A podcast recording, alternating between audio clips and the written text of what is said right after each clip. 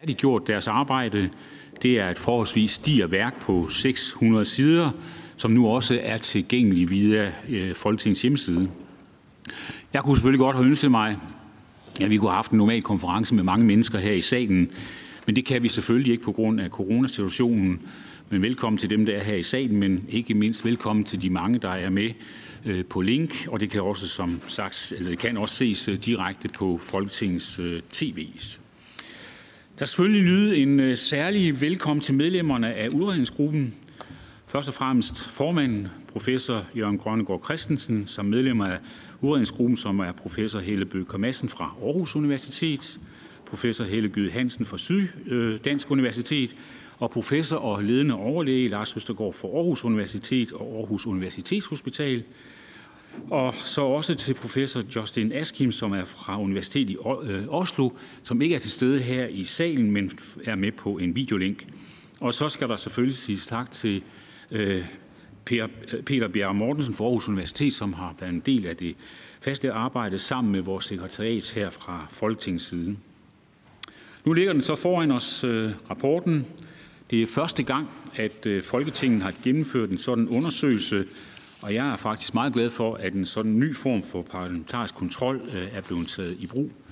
Og jeg er imponeret over hurtigheden. Vi havde fra Folketingets side øh, givet ret stramme betingelser og bad om at øh, færdiggøre arbejdet i noget, der ligner godt et halvt år.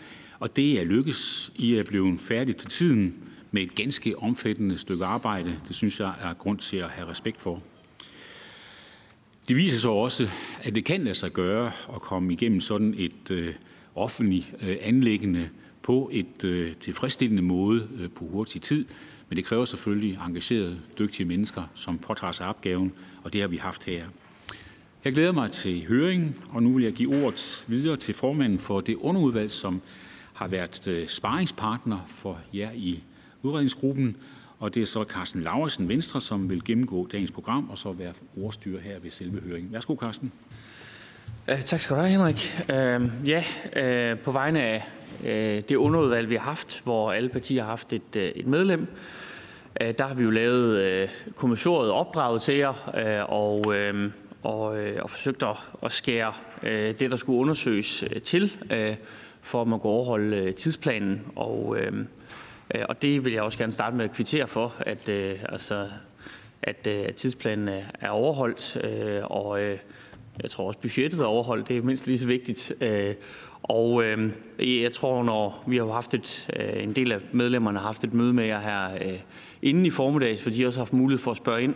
Nu bliver der også mulighed for det, når i har haft ordet og, og lave en, en fremlæggelse. Jeg skal også sige til medlemmerne, der vil, der vil også blive gjort plads til, at de journalister, der har tilmeldt sig, kan stille nogle spørgsmål. Så, øh, så vi skal lige have balanceret, at øh, politikerne får lov til at stille nogle spørgsmål, der også skal være plads til, øh, til, øh, øh til journalisterne. Øh, men, øh, men det er et, øh, et, øh, et godt stykke arbejde, der, der ligger, og jeg tror, øh, alle glæder sig til at høre, øh, hvad, I er, hvad I er kommet frem til.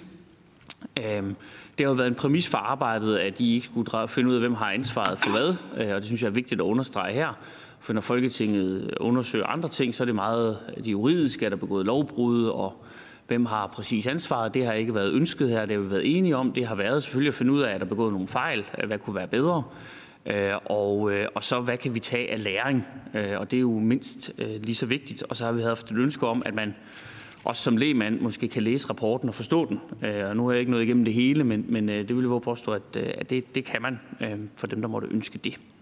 Af praktiske ting, så skal jeg sige, inden jeg giver ordet til formand for udredningsgruppen, Søren Grønnegård Christensen, professor, at øh, hvis man som medlem af Folketinget ønsker at stille spørgsmål, og som journalist, så skal man, hvis man ikke er til stede herinde i salen, skrive i chatten øh, på, på Teams, og så vil jeg styre øh, ordet. Øh, og man skal huske at tænde og slukke for sin, øh, for sin mikro, øh, mikrofon. Øhm, det tror jeg skal være øh, ordene herfra, og så giver jeg ordet til, til dig, Jørgen Grønnegård Christensen. Værsgo. Ja, øh, tak, øh, tak for det. Jeg vil øh, i den øh, kommende øh, halve times tid øh, sammenfatte øh, de konklusioner, øh, vi er nået frem til i øh, vores øh, udredningsarbejde. Øh, det siger sig selv, at jeg er ikke er i stand til at gennemgå den ret omfattende kortlægning og analyse, som vi har lagt frem øh, i rapporten, så jeg kommer meget, meget hurtigt øh, frem til øh, de øh, vurderinger, både af positiv art og af kritisk art, øh, som øh, vi er nået frem til i vores arbejde i løbet af det sidste halve års tid. Øh, indledningsvis der vil jeg meget, meget øh, hurtigt lige gennemgå øh, de betingelser, som vi har arbejdet under. Det er ikke sikkert, at de er bekendte for alle. Men baggrunden er jo altså den, at Folketingets udvalg for forretningsordenen den 23. juni sidste år besluttede, at der skulle gennemføres en evaluering af håndteringen af covid-19 i den første, den tidlige fase, altså det forløb, øh, der strakte sig øh, fra øh, nytår 2019 til 20 og frem til midten af april, plus minus øh, nogle dage, alt efter hvad det er for en delproblemstilling, vi beskæftiger os med. Og det, der ligger i øh, den opgave, som blev defineret for os der, jamen det er, at vi skal gennemføre en kortlægning og analyse, øh, hvor vi kaster lys over, jamen hvad var det for et beslutningsgrundlag, hvad var det for beslutningsgangen, der blev øh, Øh, brugt, og i forlængelse af det skal vi så foretage en vurdering, en hensigtsmæssighedsvurdering af forløbet, og vi skal også komme med anbefalinger øh, med øh, det sigte, at man med henblik på fremtidige krisesituationer på sundhedsområdet specielt skal kunne give vores anbefalinger, så godt man nu kan, kan gøre det, i forhold til, hvad man skal tænke på i den sammenhæng. Og det er allerede øh, sagt af øh, både Dam Christensen og Carsten Lauritsen, at vi havde en ret kort øh, frist øh, i udgangen af januar, og det har vi jo altså lagt vægt på at respektere, og vi har også respekteret det i praksis. Det ligger øh, beviset for øh, her. Og det lå i øh, opdraget, øh, som vi fik tilbage i juni øh, sidste øh, år, at vi skulle basere vores arbejde på skriftlige dokumenter, øh, dokumenter fra ministerierne, ministeriernes øh, styrelser, og så selvfølgelig også fra øh, øh Folketinget. I et vist omfang har vi også trukket dokumenter ind fra øh, eksterne organisationer. Det lå også i det, jeg allerede har sagt, at perioden, vi beskæftiger os med, jamen det er perioden fra vinteren sidste år, og så frem igennem den første fase, altså frem til cirka midten af april i år. Og der står udtrykkeligt i øh, opdraget til os øh, fra øh, UFO, at vi tilrettelægger selv øh, vores øh, arbejde, og det har vi også gjort, også gjort det på den måde, at vi i lyset af tidsbegrænsningerne, der har vi altså foretaget øh, nogle tilskæringer øh, undervejs, fordi det var vi nødt til øh, for at kunne overkomme det. Og så skal det siges, og det lå øh, også øh, i introduktionen her, at øh, udvalget for forretningsorden jo har haft et særligt underudvalg, som har fulgt vores arbejde, og to gange i forløbet øh, hen igennem efteråret, jamen, øh, der har jeg haft møder øh, med underudvalget, hvor jeg har orienteret om, øh, hvad status i vores arbejde er. Øh, I og med, at det er skriftlige dokumenter, vi baserer vores arbejde på, så er det jo så også øh, øh, sådan, at så bliver det meget afgørende, hvad er det for dokumenter, øh, vi så har fået adgang øh, til. Og i opdraget, jamen, der lå der, at vi skulle have adgang til alt, men der lå også i det, at det så nærmere skulle aftales, hvad det var øh, for dokumenter, øh, vi fik adgang til. Og der blev der umiddelbart efter øh, den 23. juni øh, truffet en aftale mellem Folketing, øh, Folketinget på den ene side, eller Folketingets formand på den ene side, og statsministeren på den anden side, øh, som fastslog, at vi havde adgang til alle dokumenter vedrørende øh, covid-19.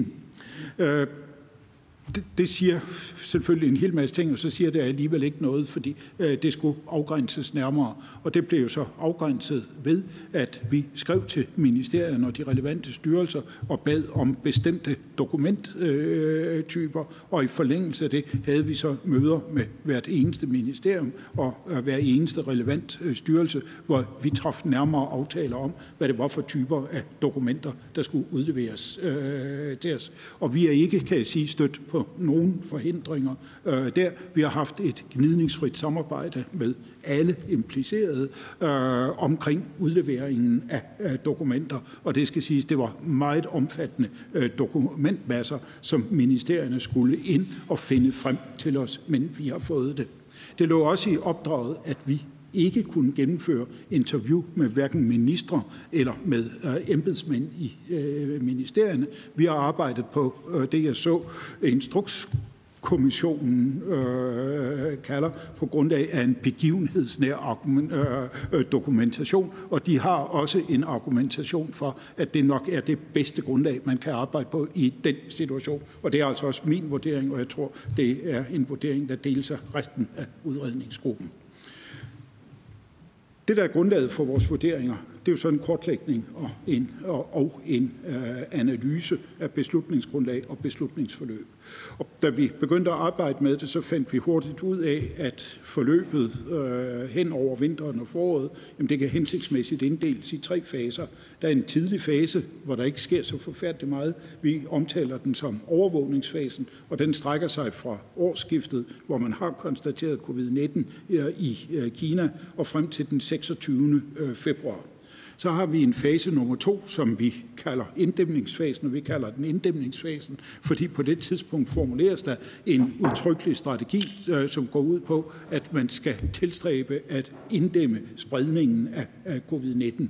Og når det starter den 27. Øh, februar, så hænger det i høj grad sammen med, at der har vi det øh, første, den første danske covid-19-patient. Det er så en meget kort fase, for allerede den 11. marts bliver der skiftet til et højere gear, kan man sige, fordi det er der, den delvise nedlukning øh, bliver annonceret, og det er også der, det bliver annonceret, at man i forbindelse med øh, nedlukningen øh, ser sig nødtaget til at etablere nogle økonomiske hjælpepakker i forhold til erhvervslivet og arbejdsmarkedet. Og når I læser i vores rapport, så kan I se, at den der kronologi, den styrer altså i meget høj grad øh, vores, øh, vores kortlægning. Og det vi i særlig grad fokuserer på i kortlægningen og analysen, det er altså nedlukningsbeslutningen, det er udviklingen af teststrategier, og øh, så er det øh, udviklingen og sammensætningen af de økonomiske hjælpepakker.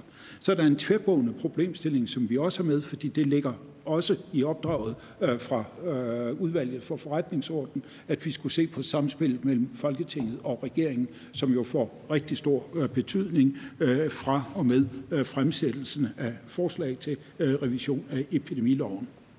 Vi har af fremstillingsmæssige øh, øh, grunde øh, gjort det øh, sådan i vores vurdering i kapitel 17 i rapporten, at vi siger, at der er nogle særlige problemfelter eller særlige temaer, vi fokuserer på. Og det er også dem, jeg trækker frem her.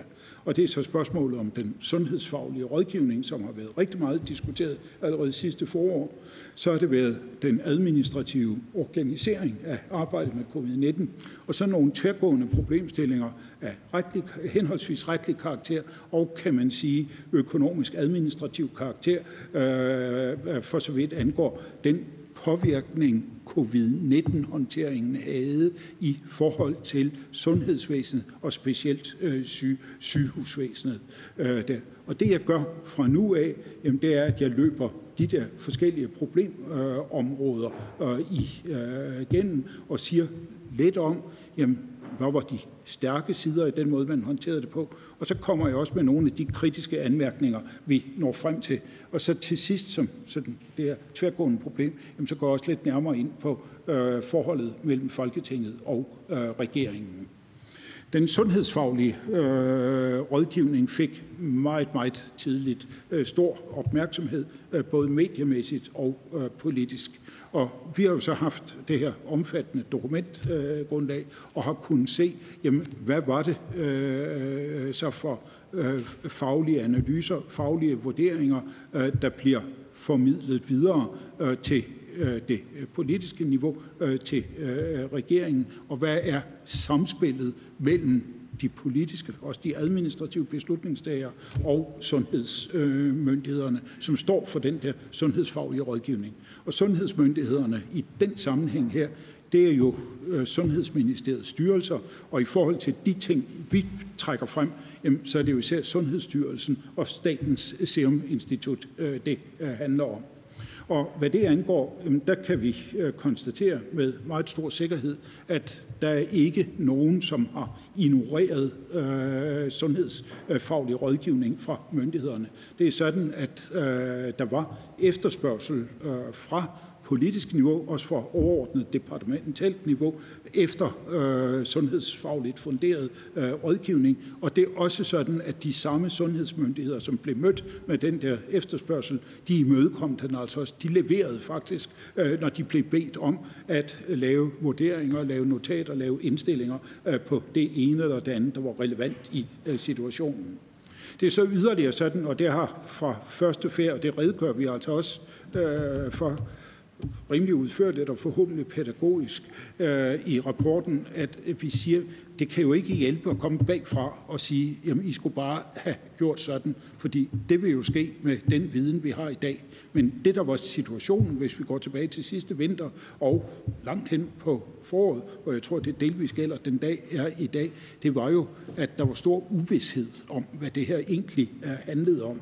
Så øh, når vi vurderer den sundhedsfaglige rådgivning, så ser vi altså på, er det relevant rådgivning i forhold til de problemstillinger, man sidder med, og hvordan er det, bruger man den viden, der var tilgængelig på det pågældende tidspunkt, bliver den aktiveret, når man skal rådgive øh, det politiske niveau. Og der kan vi konstatere, at det blev den. Der var ikke noget stukket under stolen, hvis man kan bruge øh, det øh, udtryk i den sammenhæng her. Og det er også sådan, at øh, den øh, de faglige vurderinger, sundhedsfaglige vurderinger, der bliver øh, leveret, jamen de er altså udarbejdet omhyggeligt, og de er også formidlet øh, med stor omhu fra sundhedsmyndighedernes øh, side. Og der skal I, når I vurderer det, altså være helt opmærksom på, at der er arbejdet under et ekstremt tidspres. Vi har jo siddet med de der enorme lange kæder af e-mails mellem embedsmænd det ene og, og det andet sted. Og så kan vi jo se, at der bliver altså arbejdet med det her fra tidlig morgen til langt ud på natten i uh, visse uh, tilfælde her. Så der har været et utroligt uh, tidspres, uh, og under uh, det tidspres, der man skulle levere noget, der var gennemarbejdet, og man har altså også skulle formidle, at der var usikkerheder knyttet øh, til den rådgivning, man gav, og det har man levet, øh, det har man levet op på. Så er der jo noget helt øh, øh særligt, øh, når det drejer sig om en faglig øh, øh rådgivning. For spørgsmålet er jo så, hvordan står det egentlig med en sådan sundhedsfagligt baseret rådgivning i forhold til det øh, politiske niveau? Kan den trænge igennem i forhold til det øh, øh, politiske niveau, eller øh, bliver der sorteret i det, bliver det drejet øh, på en øh, sådan måde, øh, at det ikke rigtigt er dækkende, eller alternativt er det sådan, at de sundhedsfaglige myndigheder, øh, i det tilfælde de sundhedsfaglige myndigheder, at de passer sig til og lader være med at formidle det videre, øh, som egentlig er øh, deres vurderinger. Og der kan vi konstatere, og det har man også kunnet se i mediedækningen op igennem foråret, at Sundhedsstyrelsen der altså arbejder med en ret rank ryg, øh, kan man sige, og lægger øh, de øh, vurderinger øh, frem, som de nu er kommet frem til med de styrker og de svagheder, det nu måtte have. Men der er ikke noget stukket under stolen i den øh, sammenhæng. Men der er jo så også en anden side af, af det her, og det er der, jeg taler om øh, kritiske øh, anmærkninger. Fordi vi kan konstatere, at den der usikkerhed, øh, som knytter sig øh, til forståelsen af indsigten i, øh, hvad det er for en virus og hvad det er for en sygdom, øh, man står med i vinteren foråret øh, 2020, øh, ja, den indebærer altså, at der sådan er en vis træhed i opdateringen af den viden, øh, man baserer øh, rådgivningen øh, på. Og der er, altså hvad der er nemt at forklare, øh, tror jeg, en tilbøjelighed til hos de sundhedsfaglige rådgivere at henholde sig til de erfaringer, man har fra noget, der ser ud som stærkt lignende situationer i fortiden. Og der var det jo sådan, at vi op igennem nullerne og ind i tierne havde haft nogle øh, epidemier, øh, pande, øh, pandemitruende øh, øh, situationer, og det er rigtig meget erfaringerne derfra, man øh, læner sig øh, op i rådgivning. Og det giver altså en usikkerhed, og det er en del af baggrunden for, og det lægger vi også frem i rapporten, at øh, Sundhedsstyrelsen i øvrigt i lighed med deres søstermyndigheder i andre vesteuropæiske lande er henholdende i deres vurdering af, hvor, øh, hvilke risici der egentlig er forbundet med øh, covid-19. Men så er systemet jo så bygget sådan, øh, sådan op, at det jo ikke er anderledes, end at den form for rådgivning, den kan udfordres. Og dem, der optræder som den kritiske udfordrer i den sammenhæng her, det er altså i meget høj grad statsministeriet, kan vi konstatere, fordi i øh, januar, hvor det stadigvæk er sådan, rundt omkring i den vestlige verden, at man siger, jamen ro på, det her det bliver nok ikke øh, så galt alligevel. Jamen der går man altså ind for statsministeriet og siger, ah, er det nu helt sikkert, at det forholder sig på den måde? Kunne det ikke være, at der skal graves lidt dybere i det? Og det fører til, at statsministeriet via Sundheds- og Ældreministeriet, som det hed dengang, øh, øh siger, jamen vi skal have nogle rapporter, eller vi skal have øh, nogle notater, der analyserer situationen noget grundigere øh, igennem. Det har vi brug for, hvis vi skal berede os på at øh, håndtere øh, det her. Så det er, den, øh, øh, det er en ting, og det er jo sådan set noget positivt, men det viser også, at faglig rådgivning, den er altså ikke nødvendigvis tilstrækkelig til at håndtere sådan noget øh, som det her. Og så er der noget andet, der slår os, at øh, ret langt hen i forløbet, så er det jo sådan, at det der med rådgivningen, det er en ret lukket proces, fordi det er et anlæggende øh, mellem sundhedsmyndighederne på den ene side, departementerne og så i sidste ende øh, regeringen eller ministre i øh, regeringen øh, på den anden side. Og der kunne man jo i lyset af den uvidshed, der gælder, have forestillet sig, at man havde trukket på den faglige viden, der er andre steder i systemet, det vil sige på Øh, øh, øh, de virologiske, immunologiske institutter, epidemiologiske institutter på universiteterne, og også på øh, de relevante afdelinger eller specialer ude på sygehusene. Og det gjorde man altså ikke. Vi skal helt frem til 10. maj, før der bliver etableret en såkaldt faglig gruppe under Sundhedsstyrelsen, hvor man trækker ekstern ekspertise ind. Så der er nogle problemer der.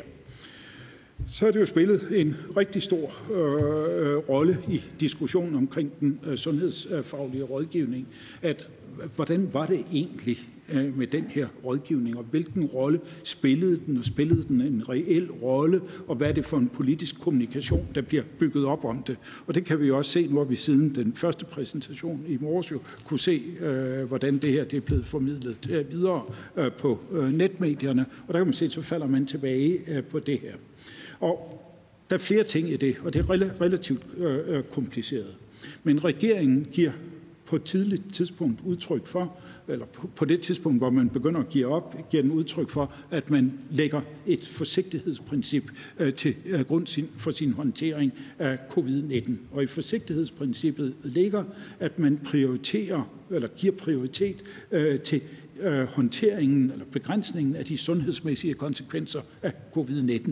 Og det vil sige, at de prioriteringer, der ligger i det, det er altså prioriteringer af den sådan art, at man vægter over imod, at nu skal vi gøre alt, hvad vi kan øh, for at undgå, at covid-19 i snæver øh, forstand får alvorlige folkesundhedsmæssige konsekvenser.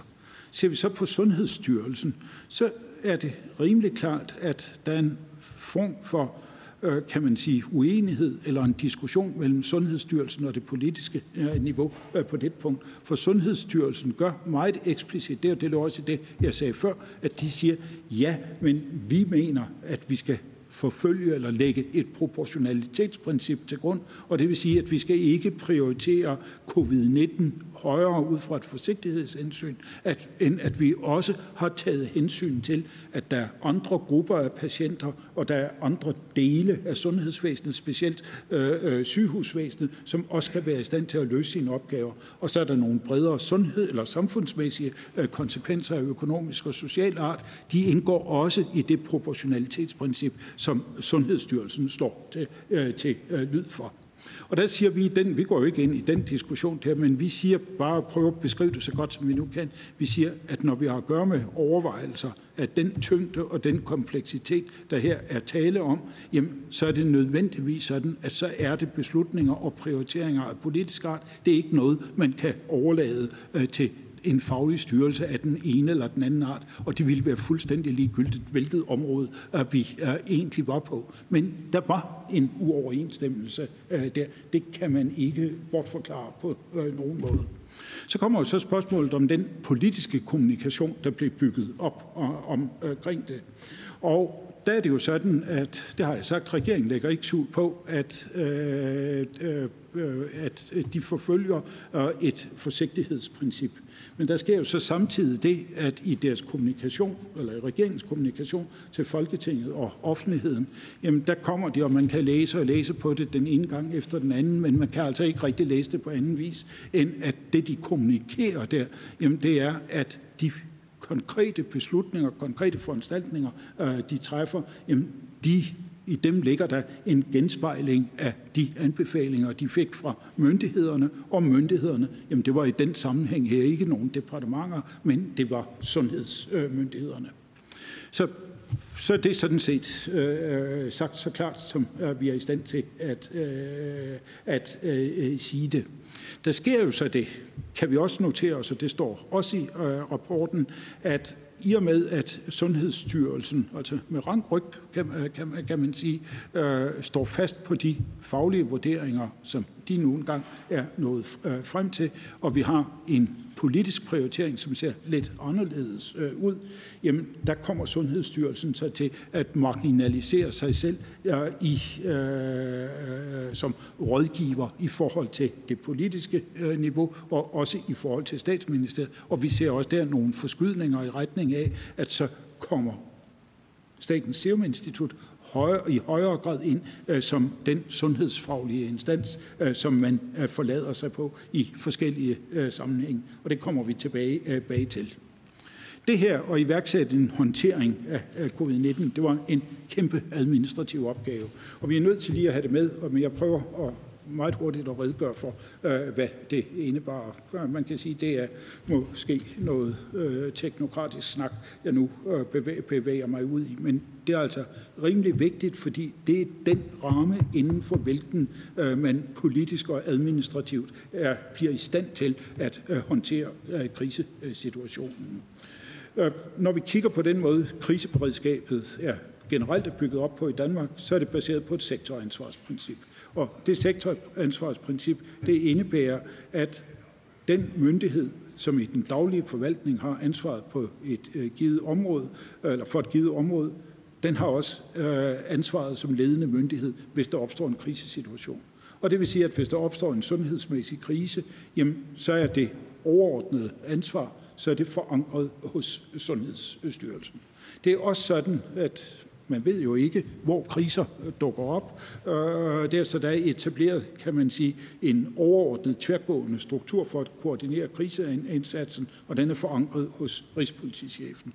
Og der er så et form for vildende beredskab øh, i skikkelse af det, der hedder NOST, det nationale operative øh, beredskab, og der sidder så en repræsentant i praksis for alle væsentlige styrelser i Danmark. Det er altså praktiske forvaltningsfolk, der sidder og øh, skal håndtere det her. Det her det er jo sådan en krise af en anden karakter end dem, vi ellers oplever i øh, form af oversvømmelser, stormfloder og store brænde og katastrofer og hvad det nu øh, kan, kan være. Og der beslutter man meget hurtigt øh, omkring øh, 1. marts at lave en overbygning på NOST i form af det, der hedder NOST Plus.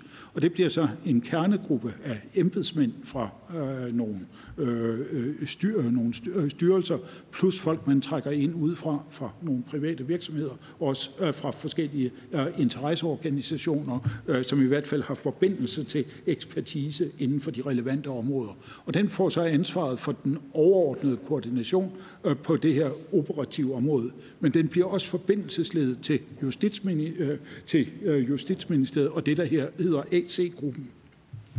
Og AC-gruppen, det er den anden nyskabelse. For AC-gruppen, det er en koordinationsgruppe med repræsentanter fra alle eller princippet alle øh, departementer under formandskab af en afdelingschef fra Justitsministeriet. Og det er dem, der kommer til at koordinere hele arbejdet omkring øh, covid-19-indsatsen og bliver forbindelsesledet mellem regeringen, statsministeriet på det overordnede niveau, og så fagministerierne øh, på den anden side. Og så er der to ting mere, som jeg lige vil nævne her, at der er så to ministerier, der får en helt central rolle som koordinatorer af øh, øh, lovforberedelse, øh, forberedelse af hjælpepakker. Det er Justitsministeriet på den ene side, som går ind og tager en stor del af opgaven omkring lovforberedelse, forberedelse af bekendtgørelser, specielt i forhold til Sundhedsministeriet, som var lagt ned i den fase, og så er det på hjælpepakkerne Erhvervsministeriet med øh, Finansministeriet, øh, øh, delvis i øh, samvirke med øh, Finansministeriet. Så man får altså etableret, kan man sige, meget, meget hurtigt en øh, koordinationsstruktur på området. Og så står det så fast, at statsministeriet, det er ikke bare der i januar, at statsministeriet spiller en meget aktiv rolle, fordi vi har en form for bestillingsdreven organisering af det her, for statsministeriet er dem, der tager initiativerne, sender bestillinger ud, det er dem, der samarbejder på det overordnede niveau, og i meget høj grad, så følger de altså også øh, op med kontroller i forhold øh, til det, der foregår. Og hvis man skal sige det sådan i få ord, og det er så positive ord, så kan man sige, at det er meget fleksibelt, det er meget hurtigt, og det demonstrerer altså også, at der var en stor mobiliseringsparathed, forstået på den måde, at man puler ressourcer fra forskellige ministerier, ressourcer, som ellers er allokeret til helt andre opgaver, og det lykkes man med i den situation her. Men igen er der nogle kritiske sider øh, ved det, at den der centralisering, specielt centraliseringen og detaljstyringen fra statsministeriets side, den belaster altså processen på forskellige vis, fordi det er rigtig mange kontroller, der er lagt ind, og vi kan se, og det kan I også læse, at der går jo ikke et kvarter uden statsministeriet er øh, over de mennesker, der, eller de embedsmænd, der sidder med øh, det praktiske arbejde for at høre, om der nu er fremdrift i tingene. Og så kan vi yderligere få til, at det der, når man laver en centralisering på den måde, så er det jo en fejlkilde, og der bliver skabt nogle flaskehalse, som er med til at belaste systemet. Og så er der så yderligere det i det, at øh, det der med NOS, som er tiltænkt opgave omkring det praktiske operativ, de kommer af grunde, som vi ikke helt kan se, så bliver de også tildelt øh, nogle opgaver omkring den sådan overordnede policyagtige øh, koordination, og det overlapper et vist omfang med det, der foregår i øh, AC-gruppen, og det giver nogle belastninger og også nogle spændinger ned igennem systemet. Jeg sagde indledningsvis, at de der problemfelter, vi øh, arbejder med, at så er det sådan nogle tværgående problemstillinger, øh, der øh, kommer ind. Der er noget om, omkring det retlige, og så er der også noget om det økonomisk administrative. Jeg tager de to ting nu. Og der, hvor de retlige aspekter for alvor kommer ind i billedet, det er jo i forbindelse med, at man beslutter at revidere epidemiloven. Og det er rimelig logisk, at epidemiloven jamen, den er et ret centralt redskab for myndighederne i øh, håndteringen af øh, covid-19. Og det var også sådan, at den gældende epidemilov, hvis vi går tilbage til vinteren, øh, to, øh, til øh, vinteren 2020, den var gammel forstået på den måde, at grundkonceptet, jamen, det havde levet øh, igennem årtier. Det var blevet ajourført en gang imellem. Den sidste øh, større ajourføring, det var øh, 1979, så var der sådan sket ændringer med den ene eller den anden konkrete øh, begrundelse på forskellige tidspunkter. Og der var ikke nogen, der i den der lange periode havde spurgt, om den nu var fuldstændig tidsvarende, altså for eksempel tidsvarende i forhold til situationer, hvor der kunne opstå globale øh, pandemier, som der jo havde været øh, tilløb til i årene forinden.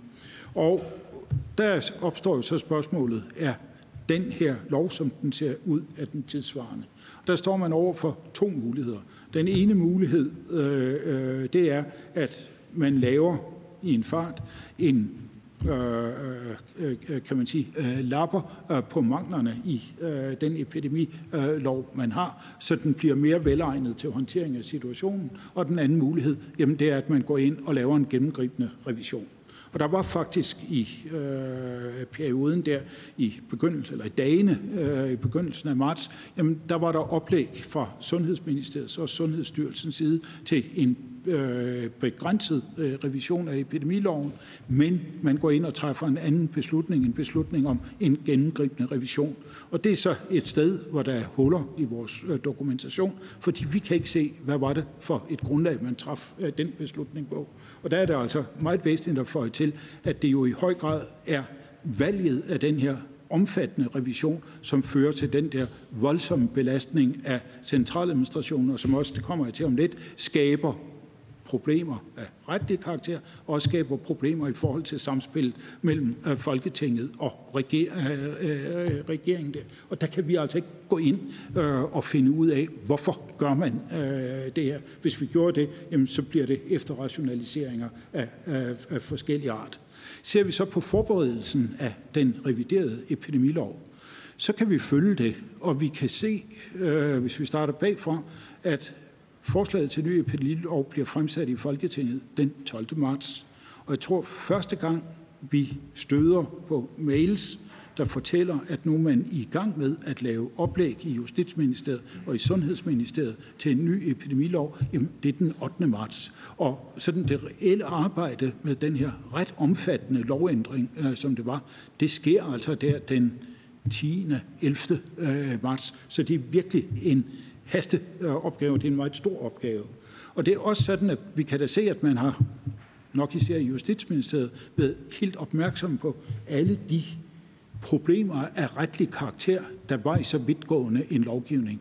Men af gode grunde, altså under de her tidsmæssige rammer, jamen så er det noget, der nødvendigvis bliver kan man sige, beskrevet i ret lapidariske vendinger, og man går ikke i dybden, øh, man går ikke i dybden med det, og der har jo så, i og med det hastlovgivning, der har jo så også nogle konsekvenser i forhold til øh, Folketingets behandling af det.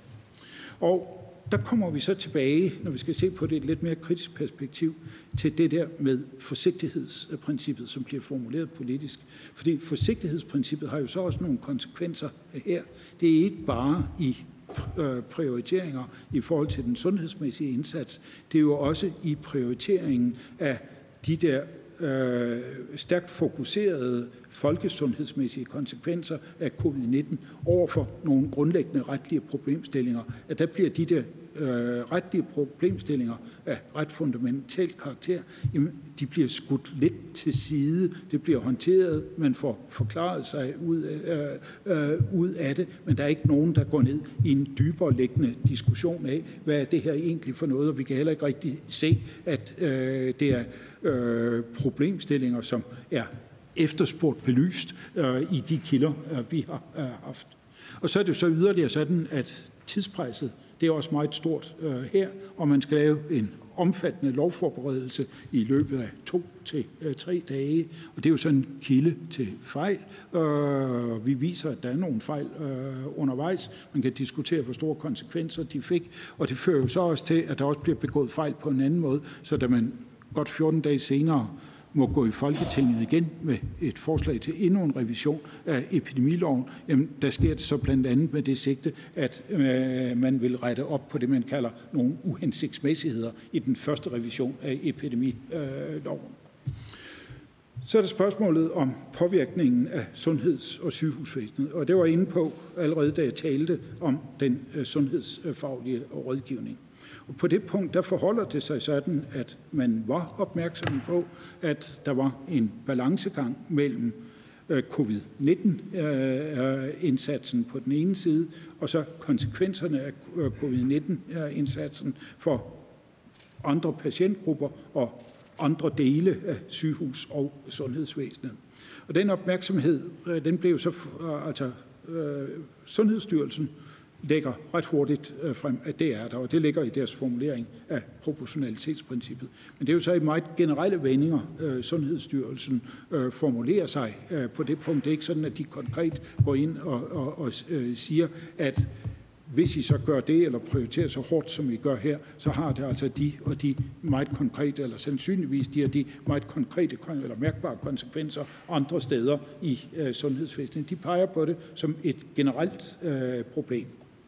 Der sker så det i øh, processen, og der kommer Statens Serum Instituttet i høj grad ind som sundhedsfaglige rådgiver, at øh, de gennemfører nogle prognoser, eller udarbejder nogle prognoser øh, for belastningen af sygehusvæsenet øh, under antagelser øh, om øh, spredningen af øh, covid-19.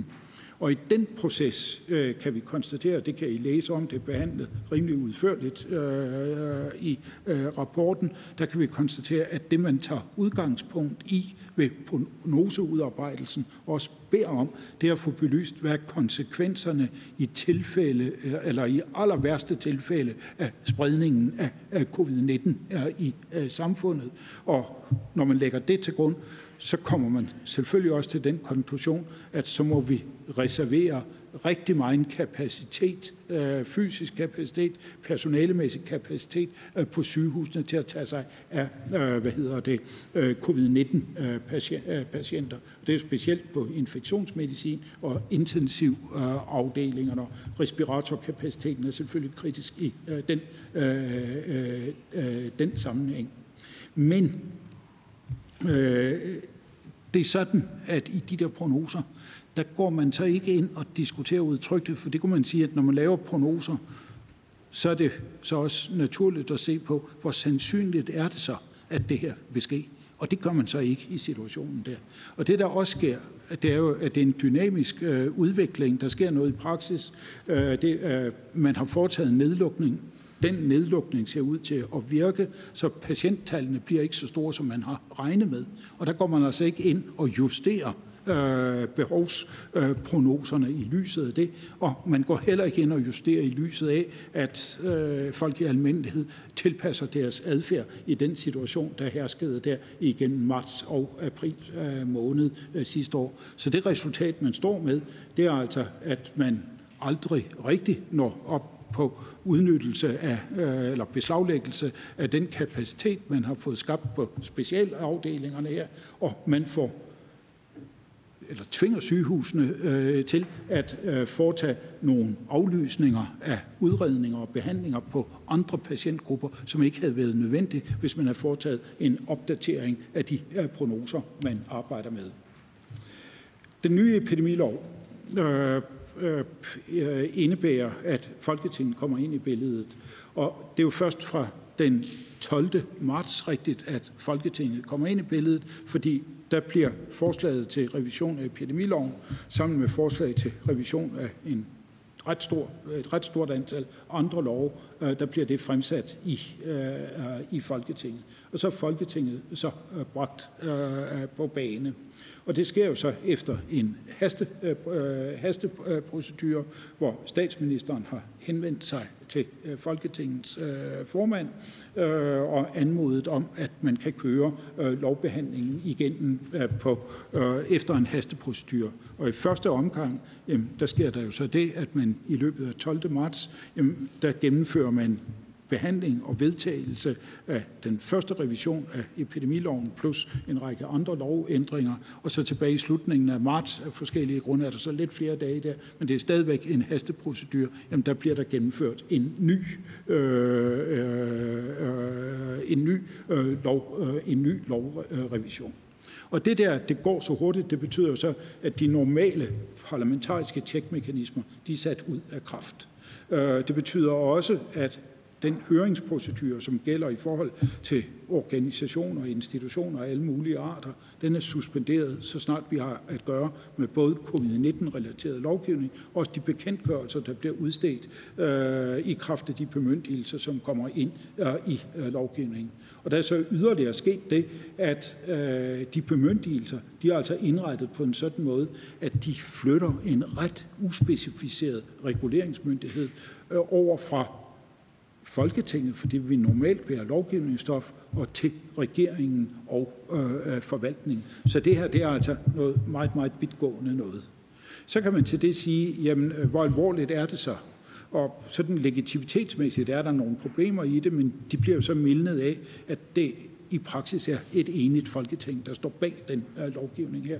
Men så er der altså et kvalitetsproblem, fordi det der, at det bliver presset sammen på den måde, og det måske også er lidt mindre velforberedte øh, lovforslag øh, eller forarbejder, der kommer fra ministerierne, det gør jo så, at muligheden for at belyse de ømme til eller kritiske problemer, øh, der kunne være i øh, lovstoffet, jamen de, øh, eller mulighederne for at foretage altså identifikation, diskussion af den slags problemer, de er altså ikke rigtigt, rigtigt til stede under de vilkår her. Så, så der er, må vi sige, rimeligt alvorlige problemer her. Nu skal jeg lige se, fordi jeg ved ikke, hvem den mail her er til, men den er i hvert fald ikke til mig, og den skal jeg væk, fordi den går ind i teksten. Og, øh, og det er ikke, fordi jeg kan godt teksten, men jeg kan ikke lade være med at læse, hvad der stod. Men øh, øh, godt.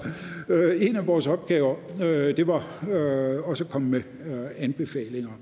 Og der gør vi så opmærksom øh, på, at øh, det gør vi altså. Det er ikke sådan en frihåndstegning øh, øh fra vores side.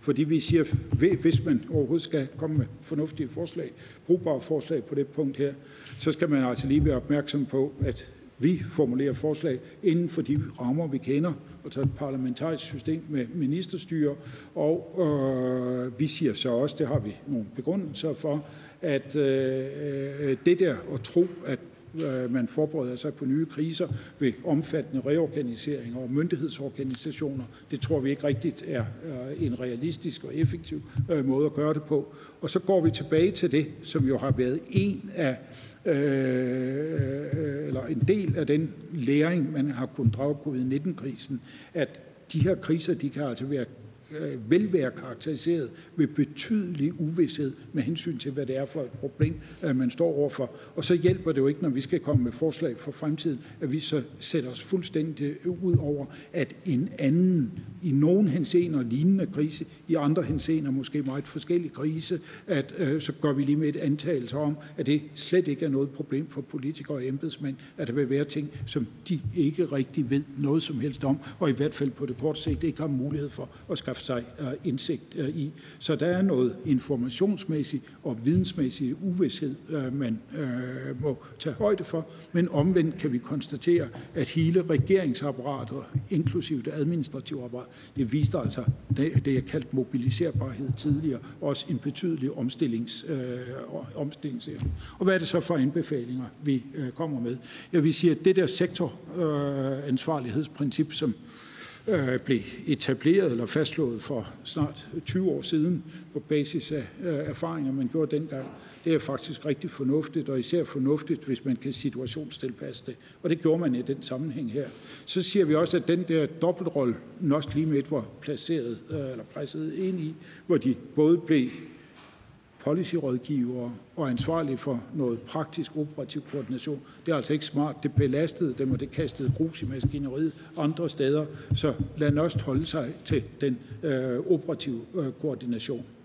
Og så slår vi et meget stærkt slag øh, for, øh, at man i fremtidige krisesituationer, og det kan man forberede sig øh, på i dag, jamen der skal man forlods og etablere procedurer for, at man kan trække anden viden, anden information ind, altså fra eksterne kilder, så man ikke bare skal forlade sig på den viden og den kapacitet, der er til rådighed i eller hos øh, hos, øh, hos myndighederne. Og det betyder helt konkret, og det går jeg så ikke ind i, men at vi sådan problemfelt for problemfelt, der siger vi, at her kunne det være fornuftigt at etablere en form for faglige øh, rådgivningspaneler, som myndighederne skal aktivere i øh, krisesituationer. Og der er sådan elementer eller, eller tiltag, der trækker i den retning i den aftale, der blev indgået omkring øh, epidemiloven. Øh, øh, og øh, øh, dermed øh, så kommer jeg til det aller sidste punkt, fordi vi havde regnet med, og det regnede vi med endnu den 21. Øh, december, at så ville vi komme med et fint gennemarbejdet forslag til, hvordan man kunne styrke den parlamentariske kontrol, øh, og så komme ud af nogle af de problemer, der opstod. Og da vores møde var øh, færdigt og en times tid efter, så tror jeg, det var Torben Jensen, øh, øh, der øh, kom ind i lokalet igen og sagde, nu er de vist ved at have en aftale om en epidemilov. Og da jeg tog hende fra lidt senere, der fik jeg en mail med øh, aftaleteksten, så kunne jeg se, at øh, der var nogen, der havde tænkt parallelt med os øh, øh, øh der. Så på det punkt, der siger vi ikke andet end, at øh, det, det synes vi, det er rigtig gode og konstruktive løsninger på noget, der virkelig var et alvorligt problem i foråret. Det var mine ord.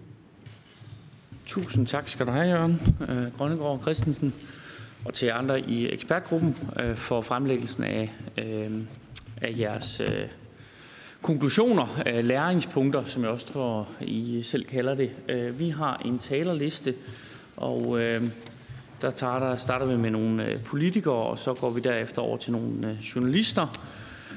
Øh, og øh, som sagt gælder det det, at øh, hvis man får ordet, hvis man sidder derude, så skal man lige sørge for at tænde for sit kamera og sin mikrofon, og når man er færdig med at have ordet, skal man slukke det igen. Og så vil jeg opfordre som ordstyrer til, at man som politiker øh, afholder sig fra at komme med lange sådan, politiske indlæg om, hvad man mener. Øh, fordi så er der ingen tid til at høre, hvad svaret på spørgsmålet kommer til at være. Jeg kan jo ikke styre, hvad folk siger, men anbefaler, at man stiller et spørgsmål. Øh, Øh, det er formålet med den her høring, så den politiske debat og diskussion med hinanden, den skal vi nok få tid til øh, efterfølgende.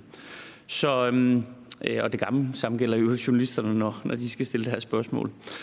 Vi lægger ud med Christian Hegård fra det radikale venstre. Værsgo Christian, og derefter Karina Adspøl. Tak for det, og tak for jeres gode oplæg nu, øh, tidligere i formiddag, og jeres øh, grundige arbejde i forbindelse med, med den her rapport. Jeg kunne godt tænke mig dels at spørge ind til noget omkring domstolene, og dels noget omkring øh, øh, tilvejebringelsen af epidemiloven, altså den, den grundige revision af det. Først og fremmest vil jeg nemlig gerne spørge ind til det, der står på side 40, hvor I skriver, at det kan imidlertid efter udredningsgruppens vurdering sætte spørgsmålstegn ved, om de meddelelser, som er tilgået fra de enkelte retter fra Domstolsstyrelsen, og som for nogens vedkommende er sket på foranledning af Justitsministeriets departement, harmonerer med domstolenes grundlovssikrede uafhængighed. Øh, jeg vil høre, om vi kunne sige noget mere om, hvad det er for nogle øh, meddelelser foranledet af Justitsministeriet, der, der her er tale om i forhold til, til den vurdering, I har, I har gjort her. Og så i forhold til arbejdet med epidemiloven tilbage i, øh, i marts øh, sidste år, der vil jeg høre, om I kan sige, øh, hvad vi ved, eller retter måske ikke ved, mellem, i forhold til det, der startede med øh, fra Sundhedsstyrelsen og øh, Sundhedsministeriet med at være sådan, øh, et arbejde med at ændre loven til senere at være et arbejde med en mere grundlæggende revision af epidemiloven, som så rykker over i Sundheds- og Justitsministeriet. Og i den forbindelse, det I skriver på, øh, jeg tror det side 38 med, at I mener, der ikke har været øh, nok opmærksomhed på spørgsmål af retlige karakter, af retlige øh, spørgsmål, som følge af særligt den her tidsmæssige øh, element, særligt det her med de vidtgående øh, myndighedsbestemmelser vedrørende vidtgående indgreb i borgernes retsforhold og, og frihedsrettigheder, og hvad I mener vil være en kan man sige, hensigtsmæssig fremgangsmåde, når man på så kort tid skal lave bestemmelser af en sådan karakter, der vedrørende vidtgående indgreb i borgers retsforhold og frihedsrettigheder. Tak skal du have, Christian. Jeg tror, vi gør det. Vi tager et, et par spørgsmål for at, at nå så mange som muligt. Øh, så kan I også tænke lidt over, over svarene. Øhm, øh, Karina er, er den næste, og hun er med på, skal se, på Teams må hun være. Ja, værsgo, Karina Adspil. Jamen, øh, tak for det, og tak for jeres øh, arbejde. Jeg vil gerne høre til grundlovens paragraf 72 omkring øh, boligens ukrænkelighed. Øh, og det er netop i forhold til den del med, øh, at ældreministeren øh, og kan efter forhandling med justitsministeren fastsætte regler om, at der uden retskendelse er adgang til lokaler og andre lokaliteter med henblik på, øh, på kontrol af, af overholdelse af regler for forsamlingsforbud. Men det, der jo også har været øh, i forhold til det, det er, at man har sat øh, forbud øh, i forhold til ældres øh, bolig, altså ret til besøg for eksempel i ældres bolig på, på plejehjem. Jeg vil godt have, om I kunne knytte nogle kommentarer øh, på den del, øh, øh, og i forhold til øh, ja, grundloven omkring det. Og så vil jeg godt høre, om I ikke kan nævne øh, i forhold til epidemiloven øh, omkring øh, de øh, retssikkerhedsmæssige øh, heder, der har været omkring øh, tvang og øh, øh, brug af tvang. Og jeg tænker også øh, på, øh, at mange havde fået det indtryk af, for eksempel at ældre ikke måtte forlade deres bolig. Øh, så mange har faktisk blevet tilbageholdt i, øh, kan man sige, på plejehjemmen, og ikke øh, har fået adgang til at gå ud. Øh, måske I kan komme ind på i forhold til, om det er noget, I har, har, har kigget på. Øh, fordi det er jo sådan, at hvis man tilbageholder folk med tvang, tvang, så skal man jo lave, kan man sige, en erklæring omkring det, og det øh, foreligger der vist ikke. Så det var lidt nogle af de spørgsmål, jeg havde. Tak. Tak skal du have, Karina.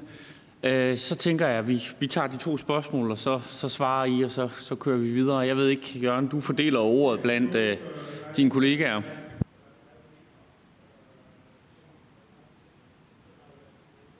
Øh, Jørgen, du skal lige tænde for mikrofonen. Ja, tak. Ja, godt. Øh, det, det jeg sagde, jeg deler øh, øh, svarene. Jeg svarer først øh, på noget selv, og så var der øh, nogle spørgsmål af øh, stærkt juridisk art, dem der går videre øh, til øh, Helle øh, øh, Madsen. Men øh, jeg begynder øh, med øh, ændringerne af epidemiloven, og det øh, Christian øh, Hegård øh, tog øh, fat i øh, der. Og øh, det, der var dit afsluttende spørgsmål. Øh, i, øh, eller, der var to spørgsmål omkring det. Øh, det ene var, øh, hvad, hvad sker der der øh, under øh, forberedelsen, hvor man helt øjensynligt har valget mellem en begrænset øh, revision, skræddersyet til situationen, og så en øh, mere vidtgående øh, revision, som er det valg, man træffer. Og til det er at siger det sagde jeg også øh, med øh, lidt andre ord i min introduktion, det kan vi faktisk ikke rigtig øh, afdække. Fordi vi har det her skriftlige materiale, men en begrænsning i det grundlag, vi har arbejdet på, jamen det er jo, at når vi kommer til dele af forberedelsesprocessen, som har været baseret på møder, mundtlige øh, forhandlinger, jamen der ligger ikke referater, øh, og det er helt normalt, øh, tror jeg, i den slags øh, sammenhæng, at så bliver der ikke nødvendigvis taget øh, mødereferater øh, af det. Så vi kan ikke se, hvornår man træffer den beslutning. Vi kan heller ikke se, hvad er det, der gør, at man finder anledning til at lægge oplægget fra Sundhedsministeriet, Sundhedsstyrelsen til side, og så i stedet at vælge øh, den her mere vidtgående øh, revision. Det står hen i det øh, uvisse øh, for os. Så rejste du også spørgsmålet i forlængelse af det, at når man så beslutter sig for i løbet af kort tid at gennemføre så vidtgående ændringer, som det er tilfældet her, hvad kunne man så have gjort øh, for at begrænse de, kan man sige, øh, principielle problemer, der knytter sig til en lovforberedelse af den karakter her. Og der man, må man jo så sige, at hvis vi sammenholder øh, så med de nye procedurer, der er lagt ind omkring udnyttelse af bemyndigelser i den fremtidige epidemilov, så er der jo ikke så meget at gøre her. Det man jo dog kunne øh, eller have forestillet sig gjort øh, i den sammenhæng her, øh, det var jo, at man for det første kunne have stillet øh, spørgsmålet, haster det nu nødvendigvis så meget med at få gennemført øh, den lovændring her og her, og hastede det lige så meget i anden omgang som i første omgang. Og i den sammenhæng, så kunne man også stille et spørgsmål. Ville det være muligt at gennemføre nogle meget hurtige høringer? Fordi vi ved jo, øh, at ude i samfundet, i advokatverdenen, på universiteterne, også i øh, for, forskellige institutioner af anden karakter, jamen, der sidder altså mennesker, som har fagkundskab øh, på det område her, og de havde nok været i stand til relativt hurtigt at øh, komme med bemærkninger og kommentarer, både af kritisk art og også af konstruktiv art. Men bortset fra det, så ser jeg ikke, hvis man vil gøre det på den måde, og hvis man accepterer, at det skulle gå så hurtigt, så er der jo altså ikke ret mange muligheder, og så stiger øh, fejlkilderne øh, i øh, den, øh, den sammenhæng. Øh, med øh, hensyn til domstolene vil jeg sige en lille smule, og, og så lader jeg sidste del af svaret på det gå videre til øh, Helle Bøger, og det gælder også spørgsmålet om øh, grundlovens øh, paragraf øh, 72. Med øh, hensyn til domstolene, der er det jo så sådan, at vi har den særlige administrative struktur øh, på øh, det område der, at vi har en domstolsstyrelse, som ikke går ind i det justitsministerielle øh, hierarki. Den har sin egen bestyrelse, og den øh, bestyrelse har kompetence til at træffe en række af de beslutninger, øh, som ellers tilkommer en minister, når det drejer sig om stort set alle andre, andre styrelser i den danske centraladministration. Og der er jo så to problemstillinger her i relation til domstolene. Der er grundproblemstillingen omkring domstolenes øh, uafhængighed, øh, og som rejser spørgsmålet om, jamen, hvor tæt kan domstolstyrelsen gå øh, på øh, øh, øh, tæt kan domstolstyrelsen øh, gå på de enkelte retter uden at gribe ind i øh, deres uafhængighed. Og det er i sig selv øh, et kompliceret spørgsmål. Og så er der det andet spørgsmål, jamen det er, hvordan er så egentlig samspilsrelationen mellem justitsministeren og justitsministeriets departement på den ene side, og domstolsstyrelsen øh, på den anden, øh, anden side. Kan de gribe ind i de her rent administrative foranstaltninger på den ene eller den anden måde, øh, betyde domstolsstyrelsen, at øh, nu skal I altså indrette jer øh, på, en, øh, på en bestemt måde. Og vi har en rimeligt udførlig gennemgang. Helle siger godt nok, det kunne være meget grundigere, der kunne skrives tykke bøger om det. Det har vi ikke gjort. Vi har et kapitel, hvor vi behandler de her rettige problemstillinger inden det der. Og så er det sådan, det hører med øh, til øh, historien, og, og vi har også, du citeret noget af det, vi har jo så nogle kritiske bemærkninger omkring det, men der er det i december måned, jamen, der bliver vi så informeret om, at domstolsstyrelsens beslutning har truffet nogle fremadrettende beslutninger om, hvordan de vil håndtere tilsvarende situationer i øh, fremtiden. Og da vores arbejde på det punkt jo er øh, fremadrettet, jamen, så gik vi ind og reviderede den tekst, vi har skrevet på det punkt, og skrev, at de har reageret på en relevant måde i forhold til det hændelsesforløb, der var øh, tilbage til sidste forår. Men så vil Helle sige en lille smule øh, om domstolene, og i særdeleshed noget om grundlovsparagraf 2. 72, for det, det tør jeg ikke gøre mig klog på. Øh, ja tak. Øh, mere om domstolene, der kan jeg sige, at øh, side 308 øh, og følgende, der står der er refereret en række meddelelser, som er tilgået de enkelte retter fra Domstolsstyrelsen og i visse tilfælde på foranledning af Justitsministeriets departement. Og det er jo så det, der leder op til, at vi siger, at der kan sættes spørgsmålstegn ved, øh, om det harmonerer med øh, domstolenes grundlovssikrede uafhængighed. Men tættere er vi ikke kommet på det, fordi det kræver en mere til bundsgående analyser, som Jørgen siger, så har domstolene, eller domstolsstyrelsen selv taget hånd om den problemstilling. Øh, så var der grundlovens paragraf 72, som jo siger, at husundersøgelse kun kan ske efter retskendelse, med mindre der står noget andet i loven. 72, som jo siger, at husundersøgelse... Nå, for søren. Er det øh, efterklang? Det lyder da ikke særlig godt. øh, men øh, der er det jo således, at man under øh, behandlingen af den øh, første revision af epidemiloven i marts, der fik man fået ind, at øh, husundersøgelse af private boliger ikke kunne ske uden retskendelse. Det har man i hvert fald forudsat i, i bemærkningerne til lovforslaget. Og det er således, at i de bekendtgørelser, der er udstedt efterfølgende, der fremgår det klart, at øh, man ikke kan gå ind i private boliger uden retskendelse. Særligt det om plejehjemmene, det er ikke noget, vi har arbejdet med. Jeg har godt læst og hørt om, at der har været et problem øh, i den sammenhæng, men det er slet ikke noget, vi har arbejdet med. Så noterede jeg, at der var et spørgsmål om retssikkerhed og tvang. Øh, og det øh, anfører vi også i øh, rapporten, at det er der. Øh, det er således, at der er tale om nogle ret vidt indgående, øh, vidtgående indgreb i form af tvangsbehandling, tvangsvaccination, øh, tvangsindlæggelse, uden at der til disse indgreb er knyttet nogen retssikkerhedsgarantier. Retssikkerhedsgarantier, som man kender fra psykiatriloven, tvangsbehandlingsloven. Ingen overhovedet. Den eneste retssikkerhedsgaranti, der er knyttet til det, det er, øh, at man på begæring kan få forelagt indgreb, der har karakter af frihedsberøvelse, administrativ frihedsberøvelse, for domstolene efter grundlovens paragraf 71 stykke 6. Øh, der står ikke engang i loven, hvad det er for nogle indgreb, man mener, der er administrative frihedsberøvelse. Det er altså helt op til Styrelsen for Patientsikkerhed at vurdere, hvornår er der tale om et indgreb, der har karakter af frihedsberøvelse, og dermed at vejlede den tvangstilbageholdte om muligheden for domstolsprøvelsen. Der er ikke nogen nem klageadgang. Der er ikke procedureregler. Altså alle de retssikkerhedsgarantier, vi kender fra tilsvarende lovgivning, de er fraværende.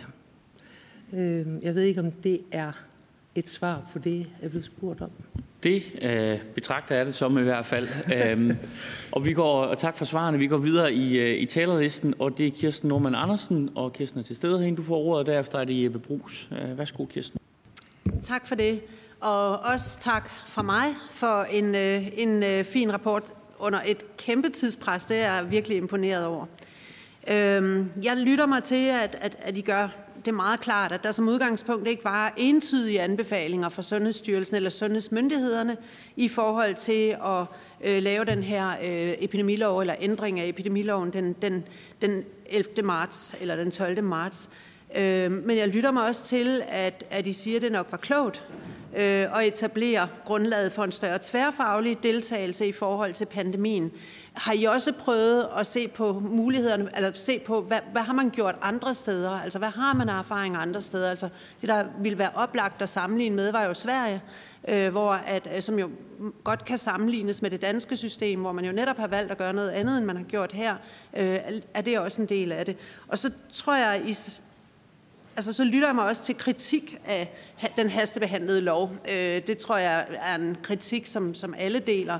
Men er det en kritik af, at den blev etableret, eller er det en kritik af, at det tog lang tid før, at man fik lavet en ny lov? Øhm, eller lytter jeg mig faktisk til, at der var nødt til at skulle etableres et lovgrundlag for, at man kunne gå i gang med at gøre nogle af de ting, som man skulle gøre, Øhm, ikke mindst fraset, at, øh, eller, øh, set, at der manglede værnemidler, der manglede test, der manglede alt muligt, øh, sådan ligesom til at komme i gang med at få håndteret den her epidemi undervejs. Altså en kritik af, øh, at den blev lavet, eller en kritik af, at det tog lang tid at revidere den, sådan så man fik et nyt grundlag. Og måske kunne I også som sidste ting bidrage med øh, eksempler på, hvor man måske skulle kigge hen i lovgivningen for at få bedre adgang til øh, informationer i sådan en situation, som vi er i lige nu. Øh, fordi det er jo en forudsætning for, at man ligesom kan bevare øh, den demokratiske kontrol i sådan en situation, som vi har været i øh, i det her forløb. Skal du have, Kirsten? Så tager vi Jeppe Brug som den næste. Værsgo, Jeppe. Ja, øh, tak for det. Øh, og tak øh, endnu en gang for en god præsentation, øh, også øh, fordi jeg har lejlighed til at være med tidligere. Og jeg synes, det er, en, det er en rigtig interessant. Nu har jeg fået lejlighed til at læse lidt mere af det. Øh, og hele formålet her er også at opnå læring. Og der er bestemt nogle punkter her, hvor vi godt kan lade os inspirere af det. Det er faktisk mit første spørgsmål. Det er, øh, du nævnte det måske lidt tydeligere i, i, i formiddags, at de anbefalinger, jeg ligesom har, meget af det er faktisk nærmest allerede inkorporeret i forhold til den nye epidemilov. Men er der andre ting, sådan du gerne vil highlighte i forhold til, øh, til læring? Det er det ene spørgsmål. Øh, så er det også klart, at det her bliver selvfølgelig også brugt i en politisk kontekst, øh, og det er jo meget naturligt. Og til det vil jeg gerne lige spørge, øh, fordi som jeg forstår din, din fremlæggelse nu, så er det som om, at du på den ene side siger, at regeringen havde et forsigtighedsprincip, og Sundhedsstyrelsen opererede ud fra proportionalitetsprincippet. Øh, men, men der står også ret tydeligt, at øh, der er ikke noget, der tyder på, at man har afstået, at regeringen afstod fra proportionalitetsovervejelser. Øh, og jeg tror også, du fremlagde selv, at man jo virkelig også inddrager det. Øh, det er bare fordi, det kommer til at fremstå lidt som en modsætning. Øh, og det synes jeg bare vil være rart lige at få, få nogle ord på. Øh, og så lige to øh, enkelte ting også i den forbindelse, skal nok slutte. Det ene er, at på side 29, der står også, at rådgivningen ikke har været underlagt stærk politisk styring. Jeg vil bare gerne have det bekræfter, fordi det er også noget af det, der florerer lidt rundt. Øhm, ja, jeg tror, jeg skal stoppe der. Tak skal du have, Jeppe. Øhm, og jeg kan sige, at dem, vi har tilbage på talerlisten, er politikere. Det er mig selv i næste runde, Peter Skåb og Jan E., og så går vi derefter øh, og Ole Birk, og derefter går vi over til spørgsmålene fra, øh, fra journalisterne af. Øhm, øh, Jørgen, du får ordet til besvarelse. Du skal lige have mikrofonen. Øh, jeg starter øh, med øh, Kirsten øh, Norman Andersens spørgsmål, og det er spørgsmålet om epidemiloven. Og i hvert fald den første del af spørgsmålet er det meget nemt at svare på, fordi det, der var sagen, er, at Sundhedsstyrelsen siger, at de ser ikke noget grundlag for, at man skal foretage den her meget vidtgående ændring af epidemiloven på det tidspunkt, hvor det kommer ind i billedet. Og de har jo så, det ligger sig i det, altså øh, den der forestilling, at man kunne øh, foretage en mere begrænset revision. Så rejser du spørgsmålet øh, om, jamen, hvad med andre lande, og du peger selvfølgelig øh, på Sverige. Og der er det så, Sverige har af mange gode grunde fået rigtig meget opmærksomhed, øh, også i danske medier i den sammenhæng. Og vi har jo i øh, vores rapport som bilag øh, tre landerapporter, og det yderligere sådan, at vi har et kapitel, øh, som sammenligner de danske erfaringer med erfaringerne i de tre nabolande, Norge, Sverige og Tyskland. Og så for, for så vidt angår Sverige, så er det sådan, at øh, de havde en da krisen starter, en epidemilov, som går tilbage til 2004.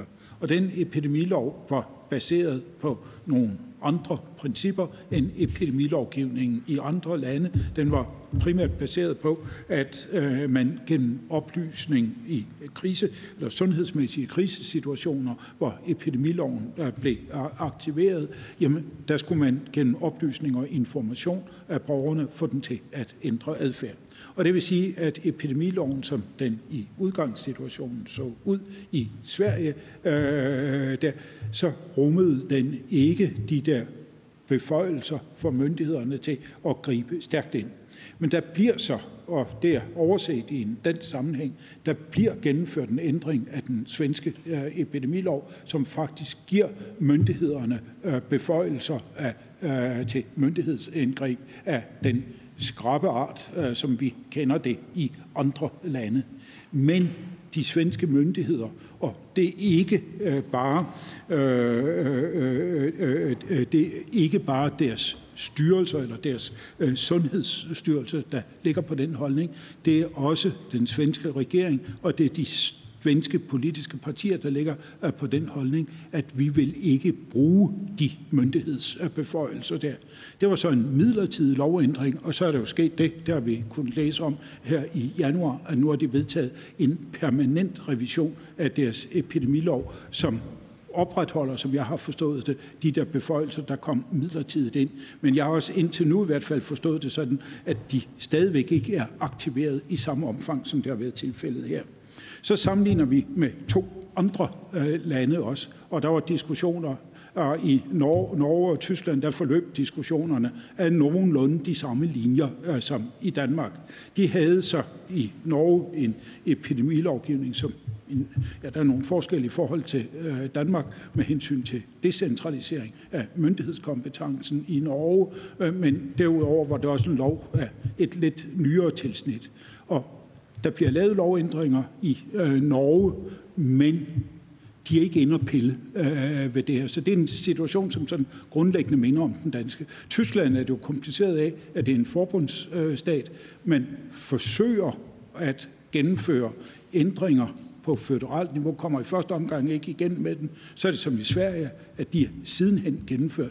Og så foregår der nede på delstatsniveauet, der foregår der øh, så ting, som er meget, meget parallelle i forhold til det, vi har set i Danmark, og hvor der er et spil mellem deres delstatsparlamenter på den ene side, og deres øh, delstatsregeringer øh, øh på den anden side. Så det er på det punkt her Sverige, der afviger øh, afviger rigtig stærkt øh, fra de andre lande i denne del af, øh, denne del af Europa. Så dit sidste spørgsmål, hvad man kunne gøre, som jeg forstod det, øh, for sådan at skaffe sig et bedre informationsgrundlag i øh, tilsvarende situationer, øh, i, øh, eller situationer, der ligner øh, i fremtiden. Der vil sige, det er meget svært at sige noget om, men øh, der er vores bedste råd til, der ligger i anbefalinger, at man får etableret øh, de her åbne, pluralistiske rådgivningsfora og få det inkorporeret i processen i erkendelse af, at det er altså ikke nødvendigvis sådan, øh, at det er et udtryk for ond vilje eller øh, dårskab, hvis der er nogle myndigheder, der ikke sidder med al relevant information eller ikke får den frem, og der kunne det være væsentligt at trække på kilder, øh, kilder øh, udefra. Og øh, Jeppe Brugs, øh, det, øh, da du startede, så var jeg godt klar over, hvor du var på vej hen øh, i øh, rapporten, fordi det vi skriver i den sammenhæng, du citerer fra, det er jo, at hvad enten man lægger sig på den ene linje, altså forsigtighedsprincippet, eller man lægger sig på det, Sundhedsstyrelsen øh, siger er et proportionalitetsprincip, jamen så indgår der jo nogle helt over, eller så ligger der nogle helt overordnede prioriteringer bag det. Og der er der nogen, der er inde og tage stilling til, hvordan skal vi vægte det ene hensyn i forhold til det øh, andet hensyn. Og det kan så falde ud til den ene side eller den anden, øh, anden side. Så man kan ikke komme og sige, at det er fuldkommen rigtigt, det skriver vi, øh, det du citerer, og det er ikke reddet ud af, af, af sammenhæng, at regeringslinje kunne også ses som en måde at kan man sige, forvalte proportionalitetsprincippet på, men de kommer bare med en anden vægtning. Og så er det, jeg vil sige, det samme, som jeg også sagde, at for os at se, så ligger der jo det her, at det her det er prioriteringer af en politisk art. Det er kun noget, politikere kan foretage. Politikere i regeringen og politikere i Folketinget. Det er ikke noget, man kan overlade øh, til styrelser eller sagkyndige af den ene eller den anden art, fordi det har de ikke nogen forudsætninger øh, for, men de kan hjælpe her i øh, den øh, proces. Og så er det jo også rigtigt, det du trækker øh, fat, at øh, øh, Regeringen har helt klart brugt den myndighed, øh, øh den øh, har, øh, med ministerne som politiske forvaltningschefer, som det hedder øh, øh, teknisk øh, set, øh, til at styre øh, slagets gang, hvis man øh, kan bruge øh, det udtryk. Og der kan vi altså ikke konstatere, at øh, der er foretaget øh, illegitime, øh, øh, illegitime træk i forhold til forvaltningen, hvor man har knægtet øh, muligheden for at formulere indsigt og viden i den rådgivning, man leverede. Det, det kan vi ikke. Tak skal du have, Jørgen, for svaren på spørgsmålet også. Øh, den næste, der på tallisten, er, øh, er mig selv, og det jeg vil spørge lidt ind til. Øh, det har I, I været omkring, men øh, og I skriver det her nogle gange, at man har truffet et, og det må man antage, et politisk valg, sådan læser det, I skriver, øh, øh, om at tage meget stram styring øh, af situationen øh, over i statsministeriet. Jeg tror også, I skriver et sted, at statsministeriet er meget ind over øh, nogle meget detaljemæssige øh, ting, øh, placering af håndsprit i lufthavne og andre ting. Og jeg vil godt spørge, om I mener, det er hensigtsmæssigt øh, i sådan en øh, situation med den viden, I har i dag, at lave så stram styring over for statsministeriet af, om man ikke i stedet for kunne have valgt øh, at have tillid til øh, myndigheder og andre øh, regionale led, regioner og kommuner, om man, om man kunne have fået det samme resultat. Altså kan I se klare Øh, tegn på, at der har været en stor gevinst af at samle så meget magt øh, over i Statsministeriet og styre krisen, øh, krisen derfra. Det skal, være, øh, det skal være mit spørgsmål, og det, jeg anerkender, det er jo et politisk valg, at det er blevet sådan, så læser jeg jeres anbefaling, eller jeres rapport. Det andet spørgsmål er til Peter Skåb fra Dansk Folkeparti. Du får ordet, Peter. Tak for det, og tak for jeres øh, store arbejde. Jeg havde lige et spørgsmål i forhold til det, som vores statsminister sagde på et presmøde, nemlig at det var efter indstilling fra myndighederne, at man lukkede ned. Jeg synes bare lige, bare en gang for alle, jeg godt kunne tænke mig, at I sagde øh, her, at øh, det, det var det jo ikke. Altså det, vi kan i hvert fald ikke finde i jeres rapport nogle øh, konstateringer af, at, at myndigheder, der har anbefalet at lukke ned på den måde, som det skete, og dermed var det, der blev sagt på det presmøde, som vi har jo fulgt øh, dengang, øh, jo ikke, jo ikke korrekt. Øh, I forhold til Sundhedsstyrelsens direktørs rolle, der kunne jeg godt lige tænke mig at spørge til det afsnit, I har, jeg tror det er på side 425, vedrørende legitimeringsstrategien, den politiske legitimeringsstrategi i forhold til deltagelsen på presmøder fra øh, Søren Brostrøm, der er Sundhedsstyrelsens direktør. Har I en idé til, hvordan man løser det? Fordi meget af det her er jo en sammenblanding mellem øh, politik med de her presmøder og så sundhedsfaglige holdninger til tingene, øh, som Sundhedsstyrelsen har. Hvordan løser man det i fremtiden? Har I et bud på det? Øh, I, I overvejer, skriver I, men har I et bud på, hvordan, hvordan skal man gøre det, for at der er tillid hos befolkningen til, at der er øh, øh, troværdighed omkring det, man kommer med. Det sidste, jeg lige vil spørge om, det handler mere om fremtiden, og I er godt inde på det. Hvad skal vi gøre i Danmark, hvis det sker igen?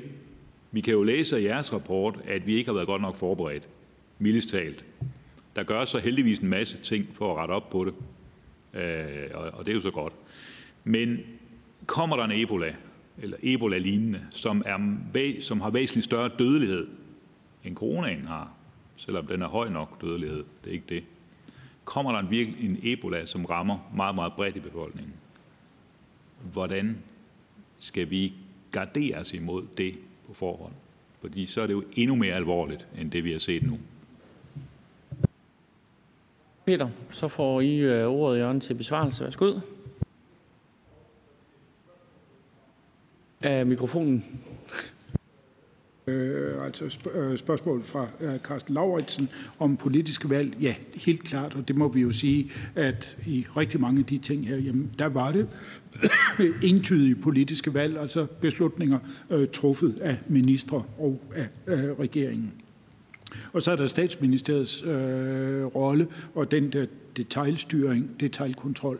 Og jeg har jo været en del inde på det, og der er jo to sider af det. Fordi der er den positive side, at det faktisk er statsministeriet, øh, og det vil sige statsministeriets departement, der i januar øh, måned siger, der er noget her, som vi bør have mere opmærksomhed på, end vi har, øh, så vidt man kan se det fra statsministeriets side.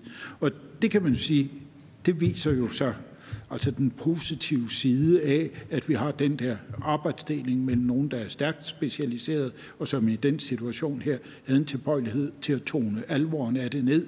Vi har et fagministerium, som, eller hvis departement er en overbygning på det, som bakker op efter alt, hvad vi kan se øh, på øh, øh, den information, der man får fra den fagkyndige styrelse. Og så har vi så de her supergeneralister, som det jo så er, der sidder over i statsministeriet, øh, øh, som råber op og siger, er det nu helt sikkert, at øh, det her det kan, kan passe? Kan vi ikke få noget mere belysende? Det er jo den positive side af det. Men så kommer vi jo der til forberedelsen af de mange tiltag, og der er det jo rigtigt, at du trækker frem, og vi har også en gengivelse af, af det, tror jeg, en illustration, eller ikke tror, det har vi i rapporten af øh, de der meget, meget specifikke spørgsmål, som går helt ned på, hvor mange spritstandere er der øh, i, lufthavnen, og hvor er de placeret derude, og der er en masse øh, andre ting. Og noget andet, det er, at når der sendes pressemeddelelser ud fra de involverede ministerier og styrelser, jamen, så går de til gennemsyn i statsministeriet. Og der er det så, vi siger, at det giver jo en belastning af hele systemet, at det der det skal transmitteres hele vejen ned og tilbage øh, igen øh, i noget, der bliver et øh, stejlt hierarki. Det får tingene, eller risikerer i hvert fald at få tingene til at sande til, og det er ikke hensigtsmæssigt. Og der er det jo så også et andet sted i rapporten, end der, hvor de går, øh, du går ind, øh, at der sammenligner vi så den måde, man tilrettelagde forberedelsen af øh, Øh, hjælpepakkerne på, med den måde, man øh, forberedte de deciderede covid-19-tiltag på, at der har man så en lidt mindre centralisering, og det fungerede øh, jo altså også, uden at der var nogen helt opfra, der var inde og over en hver detalje. Og vi skal jo helt klart, det mener vi ikke er hensigtsmæssigt. Der skal man jo så være opmærksom på, at i enhver situation og i enhver organisation, der vil være øh, nogle ting, øh, som i virkeligheden kan være meget afhængige af, øh, hvem der sidder på den ene eller den anden stol, og nogen griber tingene an på en måde, og andre på en anden måde. Men vi mener, at det der var et problem. Med hensyn til Peter Skorup spørgsmål om myndighederne. Det er altså et spørgsmål, som i virkeligheden blev rejst umiddelbart efter den 11. marts der skal man holde sin tunge øh, ret lige i munden. Fordi jeg har i min præsentation af rapporten gjort rede for, at det ikke var nogen helt retvisende kommunikation, øh, som statsministeren øh, fremlagde på øh, pressemødet øh, den øh, 11. marts. Men man kan ikke derfra slutte, at det så indebar, at Sundhedsstyrelsen var imod det, der kom til at stå som en nedlukning. Det, der var Sundhedsstyrelsens rådgivning på det punkt, jamen det var, at øh, det de mente, der var sundhedsfagligt belæg for, det var en mindre omfattende øh, nedlukning, end den øh, regeringen besluttede at gennemføre. Og det er jo ikke et spørgsmål om, det er helt, helt legitimt af regeringen at træffe den beslutning. Det ligger, og det lå også i det svar, jeg gav til Jeppe Brugs øh, for lidt siden. Det er i kommunikationen, man kan sige, at øh, der er noget, der ikke er helt præcist øh, i, den, øh, i øh, denne sammenhæng her. Så er der jo spørgsmålet øh, om Sundhedsstyrelsens rolle, og øh, det der med den måde, man har tilrettelagt pressemøderne på. Fordi det karakteristiske ved øh, håndteringsforløbet har jo været, at tilbage fra 6. marts må det være, at der er der i meget høj grad blevet kommunikeret øh, til øh, befolkningen via pressemøder øh, på det her. Og det er jo også noget, man har set i, i øh, andre lande. Og det er også karakteristisk, at det har været en blanding af ministre og topembedsmænd, øh, der har fået det. Og så kommer jo øh, så øh, øh spørgsmålet der, øh, øh, øh som jeg godt forstår, men som jo også er rigtig svært. Fordi de der pressemøder, det er jo en blanding af politisk kommunikation, og så kan man sige, så er det myndighedernes kommunikation af, jamen, hvad er det så, der gælder fra nu af med de foranstaltninger, der er truffet her.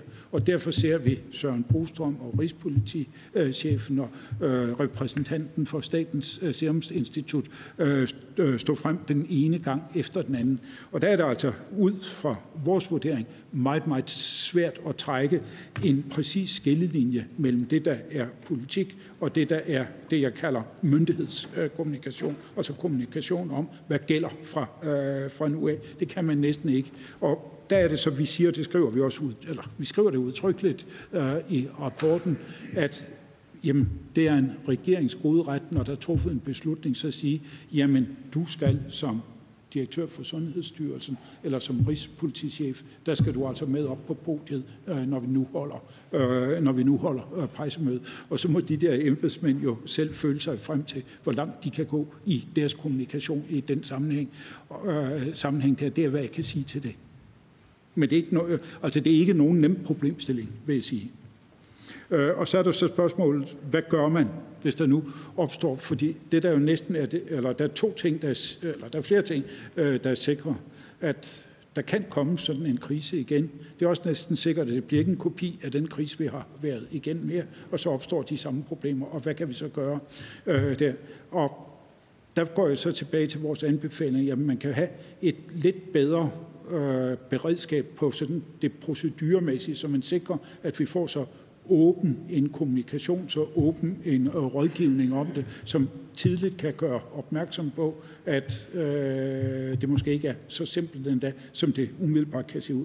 Og så kan man jo gøre noget, men det er jo rigtig svært. Altså, vi havde jo øh, problemet med værnemidler, vi havde problemet med testkit øh, tilbage øh, i øh, øh, vinteren, som gav anledning til øh, øh store problemer. Og det forsøger man jo nu at gardere sig øh, imod, og lige nu har man styr på det.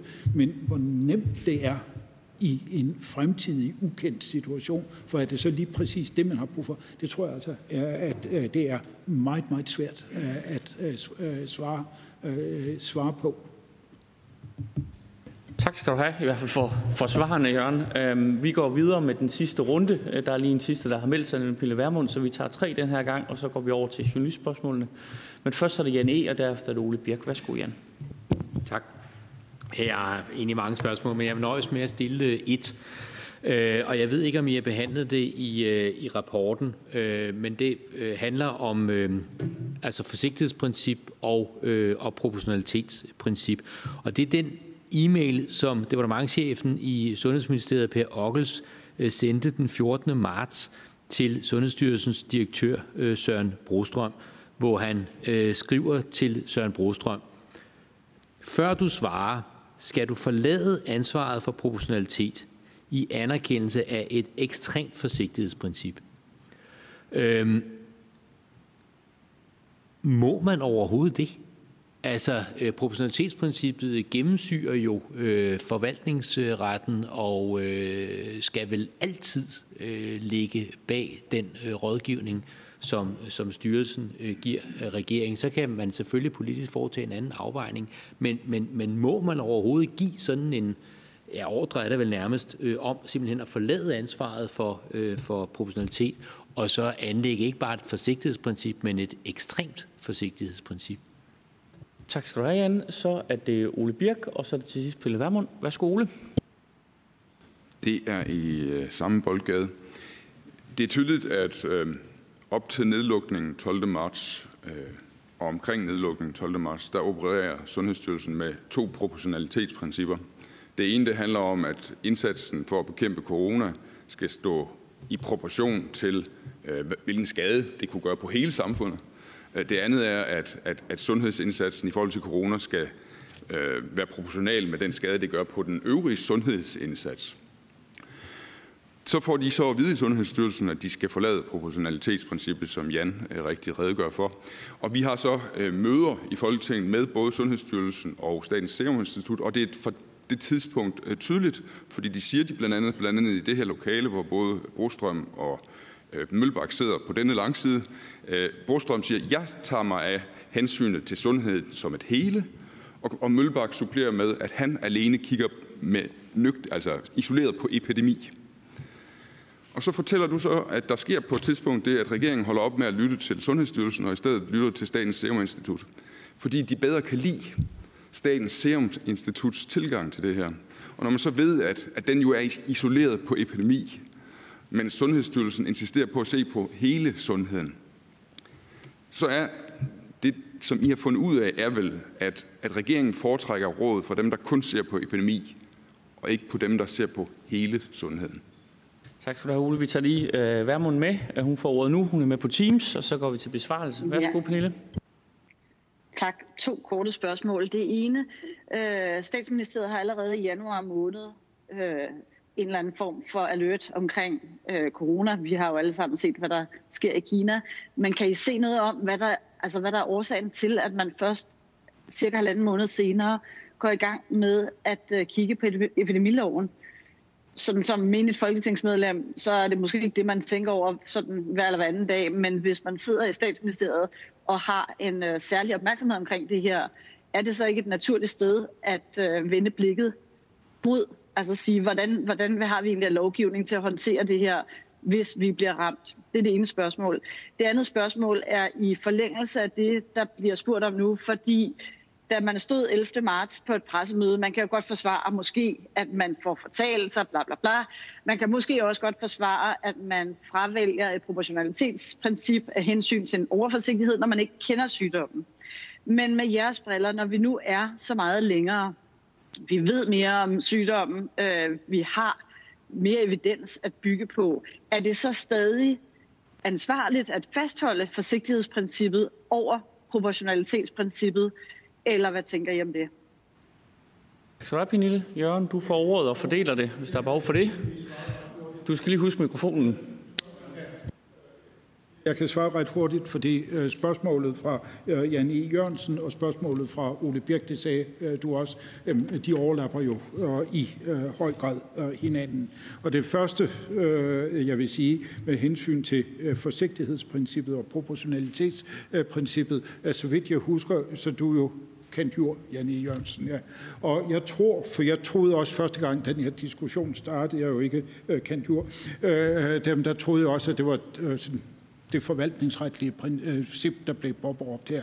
Og så vidt jeg kunne læse mig til, så er det ikke det, der er tilfældet. Øh, det er et princip, man anvender i øh, øh, sundhedspolitikken og hos de sundhedsfaglige myndigheder, og vi kan se det samme påberåbt i de andre lande, vi har beskæftiget os med. Men helt fra se, øh, og det vil sige, at det her, det handler sådan set om noget andet. Det handler om, jamen, hvad er det for forskellige elementer, der skal trækkes med ind i den afvejningssituation, man bliver placeret i, når man skal tage stilling til, hvilke indgreb man skal foretage på det ene eller det andet område. Men der er selvfølgelig masser af lighedspunkter i forhold til øh, det proportionalitetsprincip, man anvender inden for forvaltningsretten, så vidt øh, jeg har forstået det. Og så kommer spørgsmålet øh, om den der mailudveksling, der var mellem Ockels, der er departementchef i øh, Sundhedsministeriet, og Øh, øh, øh, øh, Søren Brostrøm, som er direktør for Sundhedsstyrelsen. Og den kom jo frem via en agtindsigt på et ret tidligt tidspunkt. Og til det vil jeg sige, at den meningsudveksling, eller den udveksling af synspunkter, øh, der er der, den er altså i ret høj grad trukket ud af en sammenhæng. Fordi det, der sker her, og det, der hører med til billedet, og det, der redegør redegjort for udførligt i rapporten, det er, at Per Ockels som departementchef for Sundheds- og Ældreministeriet forløbet igennem gør rigtig meget for at værne omkring Sundhedsstyrelsens placering øh, som faglig myndighed, sundhedsfaglig rådgiver i forhold til Sundhedsministeriet, Sundhedsministeren og også i øh, forhold til regeringsniveauet. Og det han gør i den mail der, så kan man diskutere, øh, øh hvor smukt den er øh, udformet øh, der. Men det han gør der, det er jo i virkeligheden, at han forsøger at give Sundhedsstyrelsens direktion en form for lektion i, jamen, hvad er det for prioriteringer, øh, der foregår på politisk niveau, helt legitime prioriteringer i den øh, sammenhæng, og så prøver han også i den der meget korte og måske lidt brutale øh, formulering at sige til Sundhedsstyrelsens direktør, det nytter nok ikke rigtigt, at du bliver ved med at pukke på proportionalitetsprincippet, sådan som du formulerer det. Det er det, der ligger i det, hvis vi Øh, går ind i sammenhængen. Og det vil så også sige, så ser jeg igen helt væk fra den kunstneriske øh, udførelse i formuleringen af den øh, pågældende øh, e-mail. Øh, det er altså, at, det er ikke det der brutale overgreb i forhold til en styrelseschef, som det er blevet tolket som. Nej, det er et forsøg på at vejlede en øh, styrelseschef om, jamen, hvad det er for overvejelser, der foregår på et overordnet niveau, og hvad det er for en kontekst, rådgivningen af sundhedsfaglig art skal kanaliseres ind i. Og det besvarer jo øh, så også delvis det spørgsmål, som Ole Birk stillede i uh, forlængelse af det. Og det er jo fuldkommen rigtigt, som du siger, at der var to sider uh, af det her med proportionalitetsafvejningen. Der var afvejningen i forhold til de samfundsmæssige konsekvenser i bredere forstand, økonomisk, socialt, også mentalt. Og så var, øh, øh og så var der øh, proportionalitetsafvejningen i forhold til andre patientgrupper og andre dele af sundhedsvæsenet. Og der var nogle problemer i den sammenhæng der.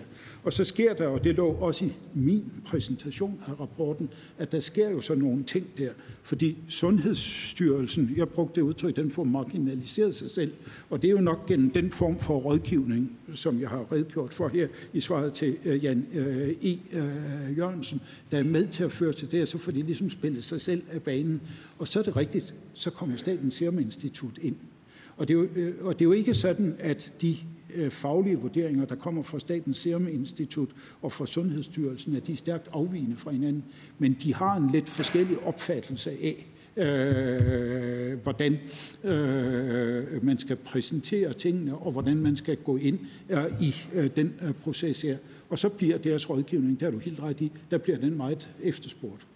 Så springer jeg et stykke fra det der, fordi så er det, jeg siger, eller vi siger, jamen så er det jo egentlig meget godt, at vi har en form for pluralisme. Fordi tænk nu, hvis det hele det havde været samlet et sted, så har vi aldrig fået den der form for uenigheder, for nogle af dem er jo legitime, faglige uenigheder, faglige vægtninger, der ligger i det. Det er godt, vi får den frem. Og der er jo altså ikke nogen, der undertrykker Sundhedsstyrelsen i den sammenhæng her, og siger, at nu må I ikke gå ud med jeres vurderinger og jeres meninger omkring det Det sker faktisk ikke i øh, forløbet, men det er helt rigtigt set, at øh, der sker noget der, og det har nogle konsekvenser i forhold til rådgivningsprocessen. Og så øh øh øh, øh, øh, øh, Pernille Vermund spørgsmålet om, øh, eller konstateringen af først, at statsministeriet, jamen, de råber alarm, i 21. januar, øh, så vidt jeg husker, og siger, at der er noget her, der vi skal følge med i. Og så sker der egentlig ikke noget. Og der kan vi jo se, at det er en form for beslutning, øh, som bliver øh, truffet på tværs af myndighederne, at man i den øh, fase der, der siger man, at vi skal holde øje med det her, men vi venter og ser. Og der er det jo så, man godt kan diskutere, hvorfor lader man gå nogle uger, eller det, øh, det drejer sig jo faktisk om en fire uger, øh, godt og vel, hvor man så ikke begynder at træffe nogle foranstaltninger, hvor man forbereder sig øh, øh på det her. Det, det er faktisk et rigtig godt spørgsmål, som vi ikke har noget bidrag til øh, øh besvarelse af. Vi kan bare se, at det ikke sker. Man affinder, øh, affinder sig med, at øh, man skal holde øje med situationens udvikling, og det skifter så den 27. Februar. Og så er der jo så øh, igen øh, proportionalitetsspørgsmålet øh, og proportionalitetsafvejning og evidens, og hvordan det vil være nu. Det vil jeg altså ikke gå ind i. Det mener jeg, at det er folk i denne institution, der må tage sig af det der. Det er ikke noget, øh, vi skal beskæftige os med. Hej Jørgen. Øhm, ja, så går vi over til journalistspørgsmålene, og der er øh, fire, der har meldt sig. Vi tager øh, to af dem af, af gangen, og den første er Nikolaj Ritgaard fra Jyllandsposten, den andet er, er Signe øh, Furbo Vestergaard fra, fra Børsen. Så Nikolaj, øh, du lægger ud. Værsgo. Jeg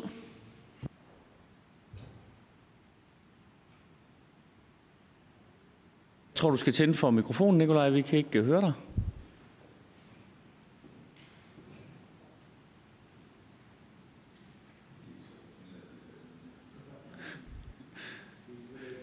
Ved hvad, vi springer lige Nikolaj over, og så, så, så tager vi... Øh, så tager vi kan I nu?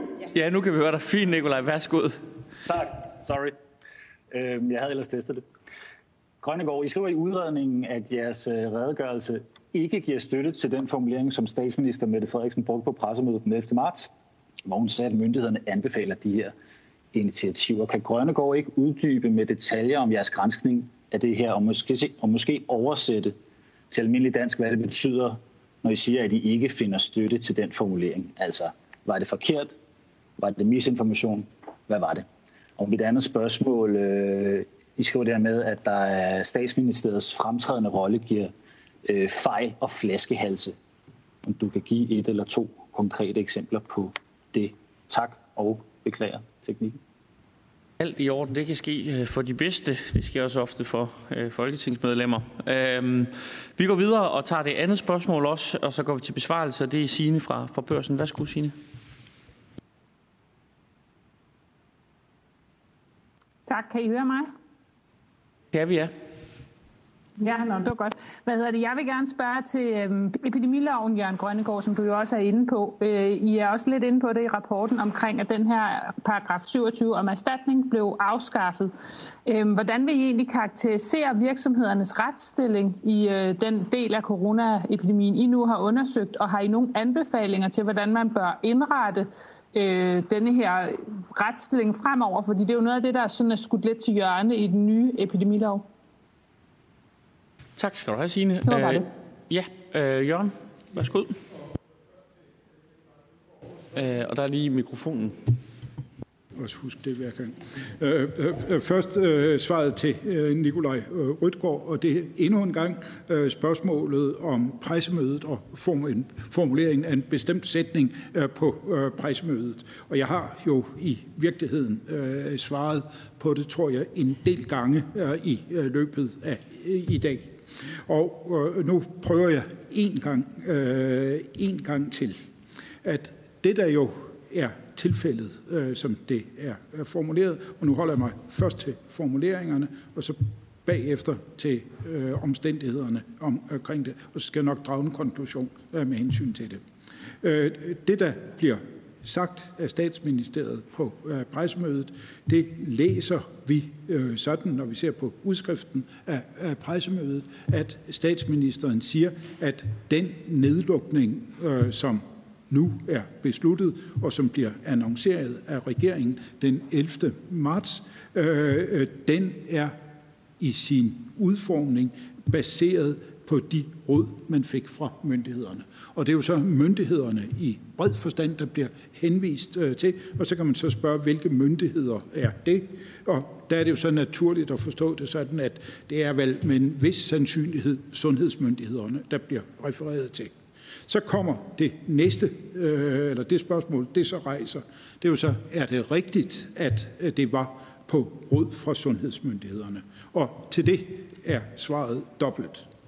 Øh, sundhedsmyndighederne understøttede i deres rådgivning på det øh, tidspunkt her, at der skulle foretages øh, indgreb, øh, som man sådan samlet set er kommet til at betegne som nedlukninger.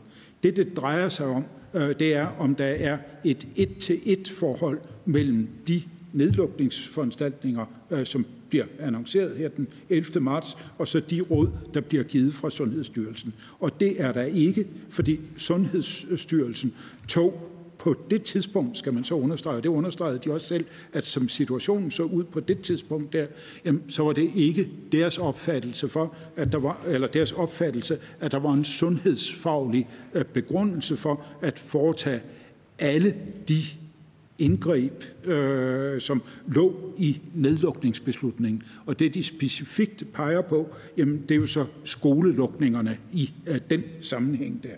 Og det fører jo så til det tredje spørgsmål, som du også stillede, jamen, hvad kan man så øh, sige om kommunikationen der?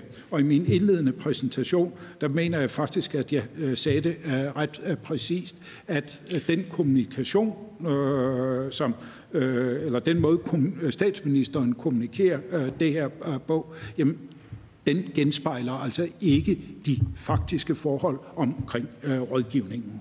Det var, øh, hvad jeg sagde omkring det, og det er det, der står i rapporten, og det er den måde, øh, teksten øh, skal øh, udlægges på.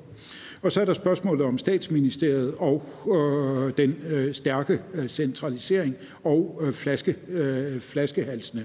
Og vi har fået det illustreret øh, undervejs øh, under høringen her i, i eftermiddag, hvad, hvorfor nogle detaljer øh, statsministeriet øh, går ind i. Så jeg går tilbage til det, der vist nok var svaret øh, til øh, Carsten Lauritsen. Det var for eksempel at gå meget øh, tæt øh, ind i, hvordan man skulle øh, Øh, indrette sig øh, værnemiddelsmæssigt i for eksempel Københavns Lufthavn, hvor mange spritstandere der, der skulle øh, være, og noget andet, jeg nævnte vist nok også i den øh, sammenhæng der, det var øh, statsministeriets meget tætte styring af, af kommunikation og, meget, og også meget tætte styring af hele politikforberedelsen i den sammenhæng her, at det giver nogle flaskehalse, øh, som belaster de ministerier, som skal levere brødarbejdet i den sammenhæng her i øh, meget høj grad. Øh, det er mine eksempler. Og så er der spørgsmålet om epidemiloven og øh, de ændringer, der skete omkring muligheden, eller rettere sagt kravet på økonomiske øh, erstatninger til øh, virksomheder, øh, der bliver berørt af beslutninger truffet øh, i medfør af epidemiloven. Og der vil jeg spørgsmålet gå videre til Helle Bødker Madsen. Øhm, og til det kan man sige, at i den tidligere epidemilov, der var der jo en bestemmelse, der sagde, at hvis man havde lidt et tab, så kunne man få erstatning. Den blev så ændret til, at øh, ministeren kunne foretage, øh, eller der kunne foretages ekspropriation, og i så fald skulle der ydes fuldstændig erstatning. Og det er jo det, der følger af grundlovens paragraf 73. Øh, og så skriver man i bemærkningerne, øh, at man forudsætter, at der i de fleste tilfælde ikke vil være tale om ekspropriation ud fra en betragtning om, at øh, det er en generel regulering, øh, og øh, altså det er noget af det, man lægger vægt på, når man taler, er der tale om ekspropriation. Der kigger man på, at det er individuelt rettet indgreb, eller det er mere generelt, det øh, retter sig mod erhverv eller øh, brancher. Øh, men man forudsætter dog også, at der vil kunne være tale om ekspropriation, når der er tale om indgreb i erhverv og transportmidler. Øh, og hvad kan man sige om det? Det, det er altså ændret, og det har der jo været utrolig meget at snakke om. Øh, men der er, der er jo ikke sådan, hvad kan man sige, noget retligt at sige om det, på den måde, at man, man har jo lov til at ændre sådan en bestemmelse. Det er jo et politisk valg, ikke? Altså om man vil give erstatning til de tab, der er lidt, eller om man siger, at øh, der kan ske ekspropriation, og så kender man jo så øh, konsekvenserne af det. Øh, så jeg tror egentlig, at det, jeg kan sige om det. Tak skal du have. Så går vi videre til de sidste to øh, spørgsmål. Det tror jeg også passer meget godt med, at vi skal have rundet af og sluttet øh, klokken 4. Og det er fra øh, hvad hedder det, Henrik Hoffmann øh, fra Kristelig Dagblad, og derefter øh, Anders øh, Jensen fra, øh, fra BT. Så du får ordet, Henrik. Værsgo. Tak. Ja, ja, I kan høre mig? Kan vi, Henrik? Ja. Godt. Øh, jamen, jeg er næsten ked af at vende tilbage til øh, forsigtighedsprincippet. Men øh, jeg tror, der, der er en opfattelse af, at, at forsigtighedsprincippet, det betyder bare, så kan man tilsidesætte alle andre hensyn. Men øh, jeg har blandt andet talt med miljøprofessor Peter Pag, som siger, sådan er det ikke. Det stammer jo fra miljølovgivningen, det her øh, begreb. Man skal faktisk både lave øh, altså risikovurderinger og vurdere økonomiske omkostninger eller risici ved, ved indgreb.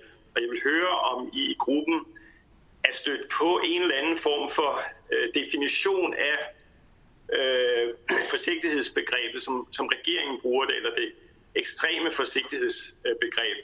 Og er I stødt på øh, beregninger eller, eller, eller eksempler undervejs på, hvad, den, hvad de her første nedlukninger kunne betyde øh, undervejs? Tak skal du have, Henrik. Og så tager vi lige Anders med. Værsgo, Anders. Yes, kan I høre mig? Det kan vi, ja. Ja. Øhm, jamen, øh, jeg øh, vil godt lige stille et opfølgende spørgsmål til den her rådgivning, øh, der, bliver, øh, der bliver foretaget øh, op til, til den store nedlukning den 11. marts. Øh, vi har jo hørt, at øh, og det, som rapporten også slår fast, det er, at der i hvert fald ikke er en eller anden øh, anbefaling til den meget gennemgribende nedlukning fra, fra sundhedsmyndighederne. Øhm, men så vil jeg godt spørge Grønnegård om, kan man sige, den, om den rådgivning, som øh, regeringen og Mette Frederiksen får øh, til at lave den her nedlukning, kommer den fra andre embedsmænd? Øh, har I stødt på det i jeres gennemgang? Altså, hvem er det, øh, der går ind og, og øh, rådgiver øh, Mette Frederiksen og, og resten af regeringen til at, at foretage det her valg. Det kan være altså embedsmænd internt i, i ministeriet osv., videre, jeg tænker på her. Skal du have, Anders? Så går vi til øh, besvarelse. Værsgo, ja. Jørgen. Og øh, det vil jeg øh, gøre hurtigt, og til Henrik Hoffmann øh, vil jeg sige, at, øh, eller jeg vil sige to ting. Øh, vi har faktisk i rapporten henvist øh, til øh, det forsigtighedsprincip, som man praktiserer på miljøområdet. Når det så er sagt, så tror jeg, at man skal passe på, når vi sidder med de ting her, at der ikke går jure i det. Forstået på den måde, at jeg tror, at når regeringen formulerer det sådan, at de lægger et forsigtighedsprincip, eller et ekstremt forsigtighedsprincip, som det også bliver formuleret øh, øh på øh, nogle tidspunkter, til grund for den kurs, de øh, vælger øh, tilbage i foråret 2020, jamen, så, er det et øh, så er det ikke med tanker til eller analogier til miljølovgivningen eller anden lovgivning. Så er jeg i min forståelse, men jeg er jo ikke jurist, men en simpel politolog, øh, så er det altså min for, øh, forståelse, at så giver man der udtryk for, hvad det er, man vægter rent politisk, og at man giver et primat øh, til en indsats i forhold til covid øh, covid-19 øh, sygdommen som sætter den foran andre typer af, af hensyn. Og så er vi tilbage i den der afvejningsdiskussion, vi har været igennem rigtig mange gange. Altså, jeg kan jo ikke udelukke, at der kan have været jurister i centraladministration, øh, som der har siddet og tænkt på, jamen, hvad er det øh, her, og hvordan forholder det sig til miljøloven? Men det har vi altså ikke noget som helst grundlag for, og jeg har hele vejen igennem forstået det her øh, som en øh, politisk øh, formulering af, hvad det var for prioriteringer, der blev øh, lagt øh, Øh, ned, øh, øh, ned over øh, det her.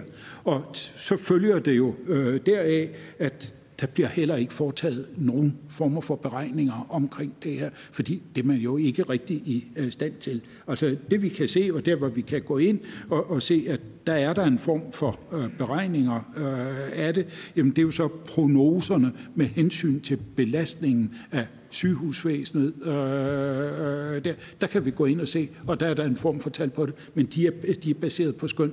Og går vi så, det er der jo ingen, der har spurgt øh, til. Øh, der var en der sine for børsen, var lige ved at nærme sig det. Det er jo så hjælpepakkerne, øh, som vi også vil igen, og der kan vi jo se, at i de økonomiske ministerier, der er man også, da man skal ind og vurdere, jamen der er man jo fuldstændig på herrens magt med hensyn til det, og man er ikke i stand til at sætte tal på det. Og det er jo øh, øh, altså i den fase, hvor, som igen strækker sig over et meget kort tidsrum, hvor man sidder og tumler med det her i Finansministeriet, men der har man faktisk den opfattelse, at man nok kan klare øh, lønkompensationen øh, inden øh, for de generelle reserver, som man siger. Og det viste sig i løbet af få dage efter, at det var skudt temmelig meget øh, forbi. Så det er den der usikkerhed, der præger øh, situationen øh, øh hele øh, øh vejen igennem.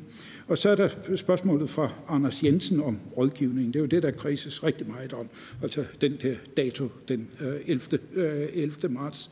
Og der vil jeg gå tilbage til min præsentation, hvor jeg sagde, at den forberedelsesproces, vi ser, det er i meget høj grad en bestillingsdrevet øh, proces, hvor man fra statsministeriets side i øh, det tilfælde, og når vi så kommer sådan længere ned i øh, beslutnings, eller de mere specifikke dele af beslutningsforløbet, så er det jo også bestillinger, øh, der udgår fra Sundhedsministeriets departement til styrelserne i Sundhedsministeriet, fra Justitsministeriet til andre ministerier i forbindelse med samarbejdet om covid-19. Så det er bestillingsdrevet, og i det bestillingsdrevne ligger jo, at det er en bestillinger, der udgår måske eksplicit fra ministre eller fra regeringen, eller også så udgår de, fordi øh, det er meget eller en meget belastet, øh, tidsmæssigt, arbejdsmæssigt belastet situation, eller også det bestillinger, der udgår fra embedsmændene, fordi de lever sig ind i, øh, hvad det er for en situation, ministerne og regeringen sidder i. Og der vil jeg sige, med den viden, jeg ellers har om, øh, hvordan regeringsapparatet øh, arbejder, så det er normalt. Det, der er det unormale, jamen, øh, det er, at det sker i så presset en situation øh, som her. Så det er ikke en proces, der starter med, for at svare helt klart på det, at der er nogle eksperter, sundhedsfaglige eksperter, der nedefra kommer med indstillinger til, at nu skal I være opmærksom på det, nu skal I gøre det her. Nej, det er høj, meget høj grad en proces, der bliver drevet oppefra, og så er der et samspil frem og tilbage øh, mellem embedsmænd, som sidder forskellige øh, steder, og så de mennesker, der som medlemmer af regeringen skal træffe beslutningerne du Jørgen. Og jeg ved godt, Jan markerede før, men jeg tror, det åbner op for en runde til, og det, det når vi ikke. Så jeg håber, Jan, at det spørgsmål, du havde, det kan vi klare bilateralt. Jeg tror, det handlede om ekspropriationsdiskussionen, så, øh, så det vil jeg altså henstille til, fordi så overholder vi nemlig tidsplanen. Og det sidste øh, punkt er vi så kommet til, og det er afrunding, øh, og det skal jeg gøre ganske kort øh, ved at sige... Øh, sige tusind tak, som Folketingets formand har sagt, og også dem, der har stillet spørgsmål her, øh, til øh, hele Øh, gruppen, udredningsgruppen øh, og i øvrigt det sekretariat, der har, der har bistået. Det er jo som sagt lidt et eksperiment, og nu skal man passe på med øh, at fælde dom, inden man har læst sig igennem det hele, og det er nok ikke nogen, der har nået, men der er også en weekend, vi står overfor. Øh, men, men altså, det er jo en ny undersøgelsesform, som vi lidt har taget hul på her. Øh, som jeg sagde indledningsvis, de samme gjorde, gjorde Henrik Dam, hvor Folketinget jo udover at gå efter, hvem har ansvaret, det er jo ofte en politisk diskussion også, øh, kigger på, hvordan kan vi få noget læring, hvordan kan vi få nogle anbefalinger, og hvordan kan myndighederne gøre det. Det er også en, en vigtig del af et arbejdende folkestyre, og det synes jeg, I, øh, I har leveret på, øh, så det skal lyde jer en meget stor tak for. Øh, og det er tydeligt, at I har arbejdet øh, intensivt og, og hårdt og, og været grundige øh, og også fået nuancerne med, og de er jo vigtige, øh, når der taler om, om svære situationer, øh, som er den, vi er i og, og har været i som, øh, som land. Så tusind tak for, øh, for det øh, bidrag, I kan gå på weekend med god samvittighed.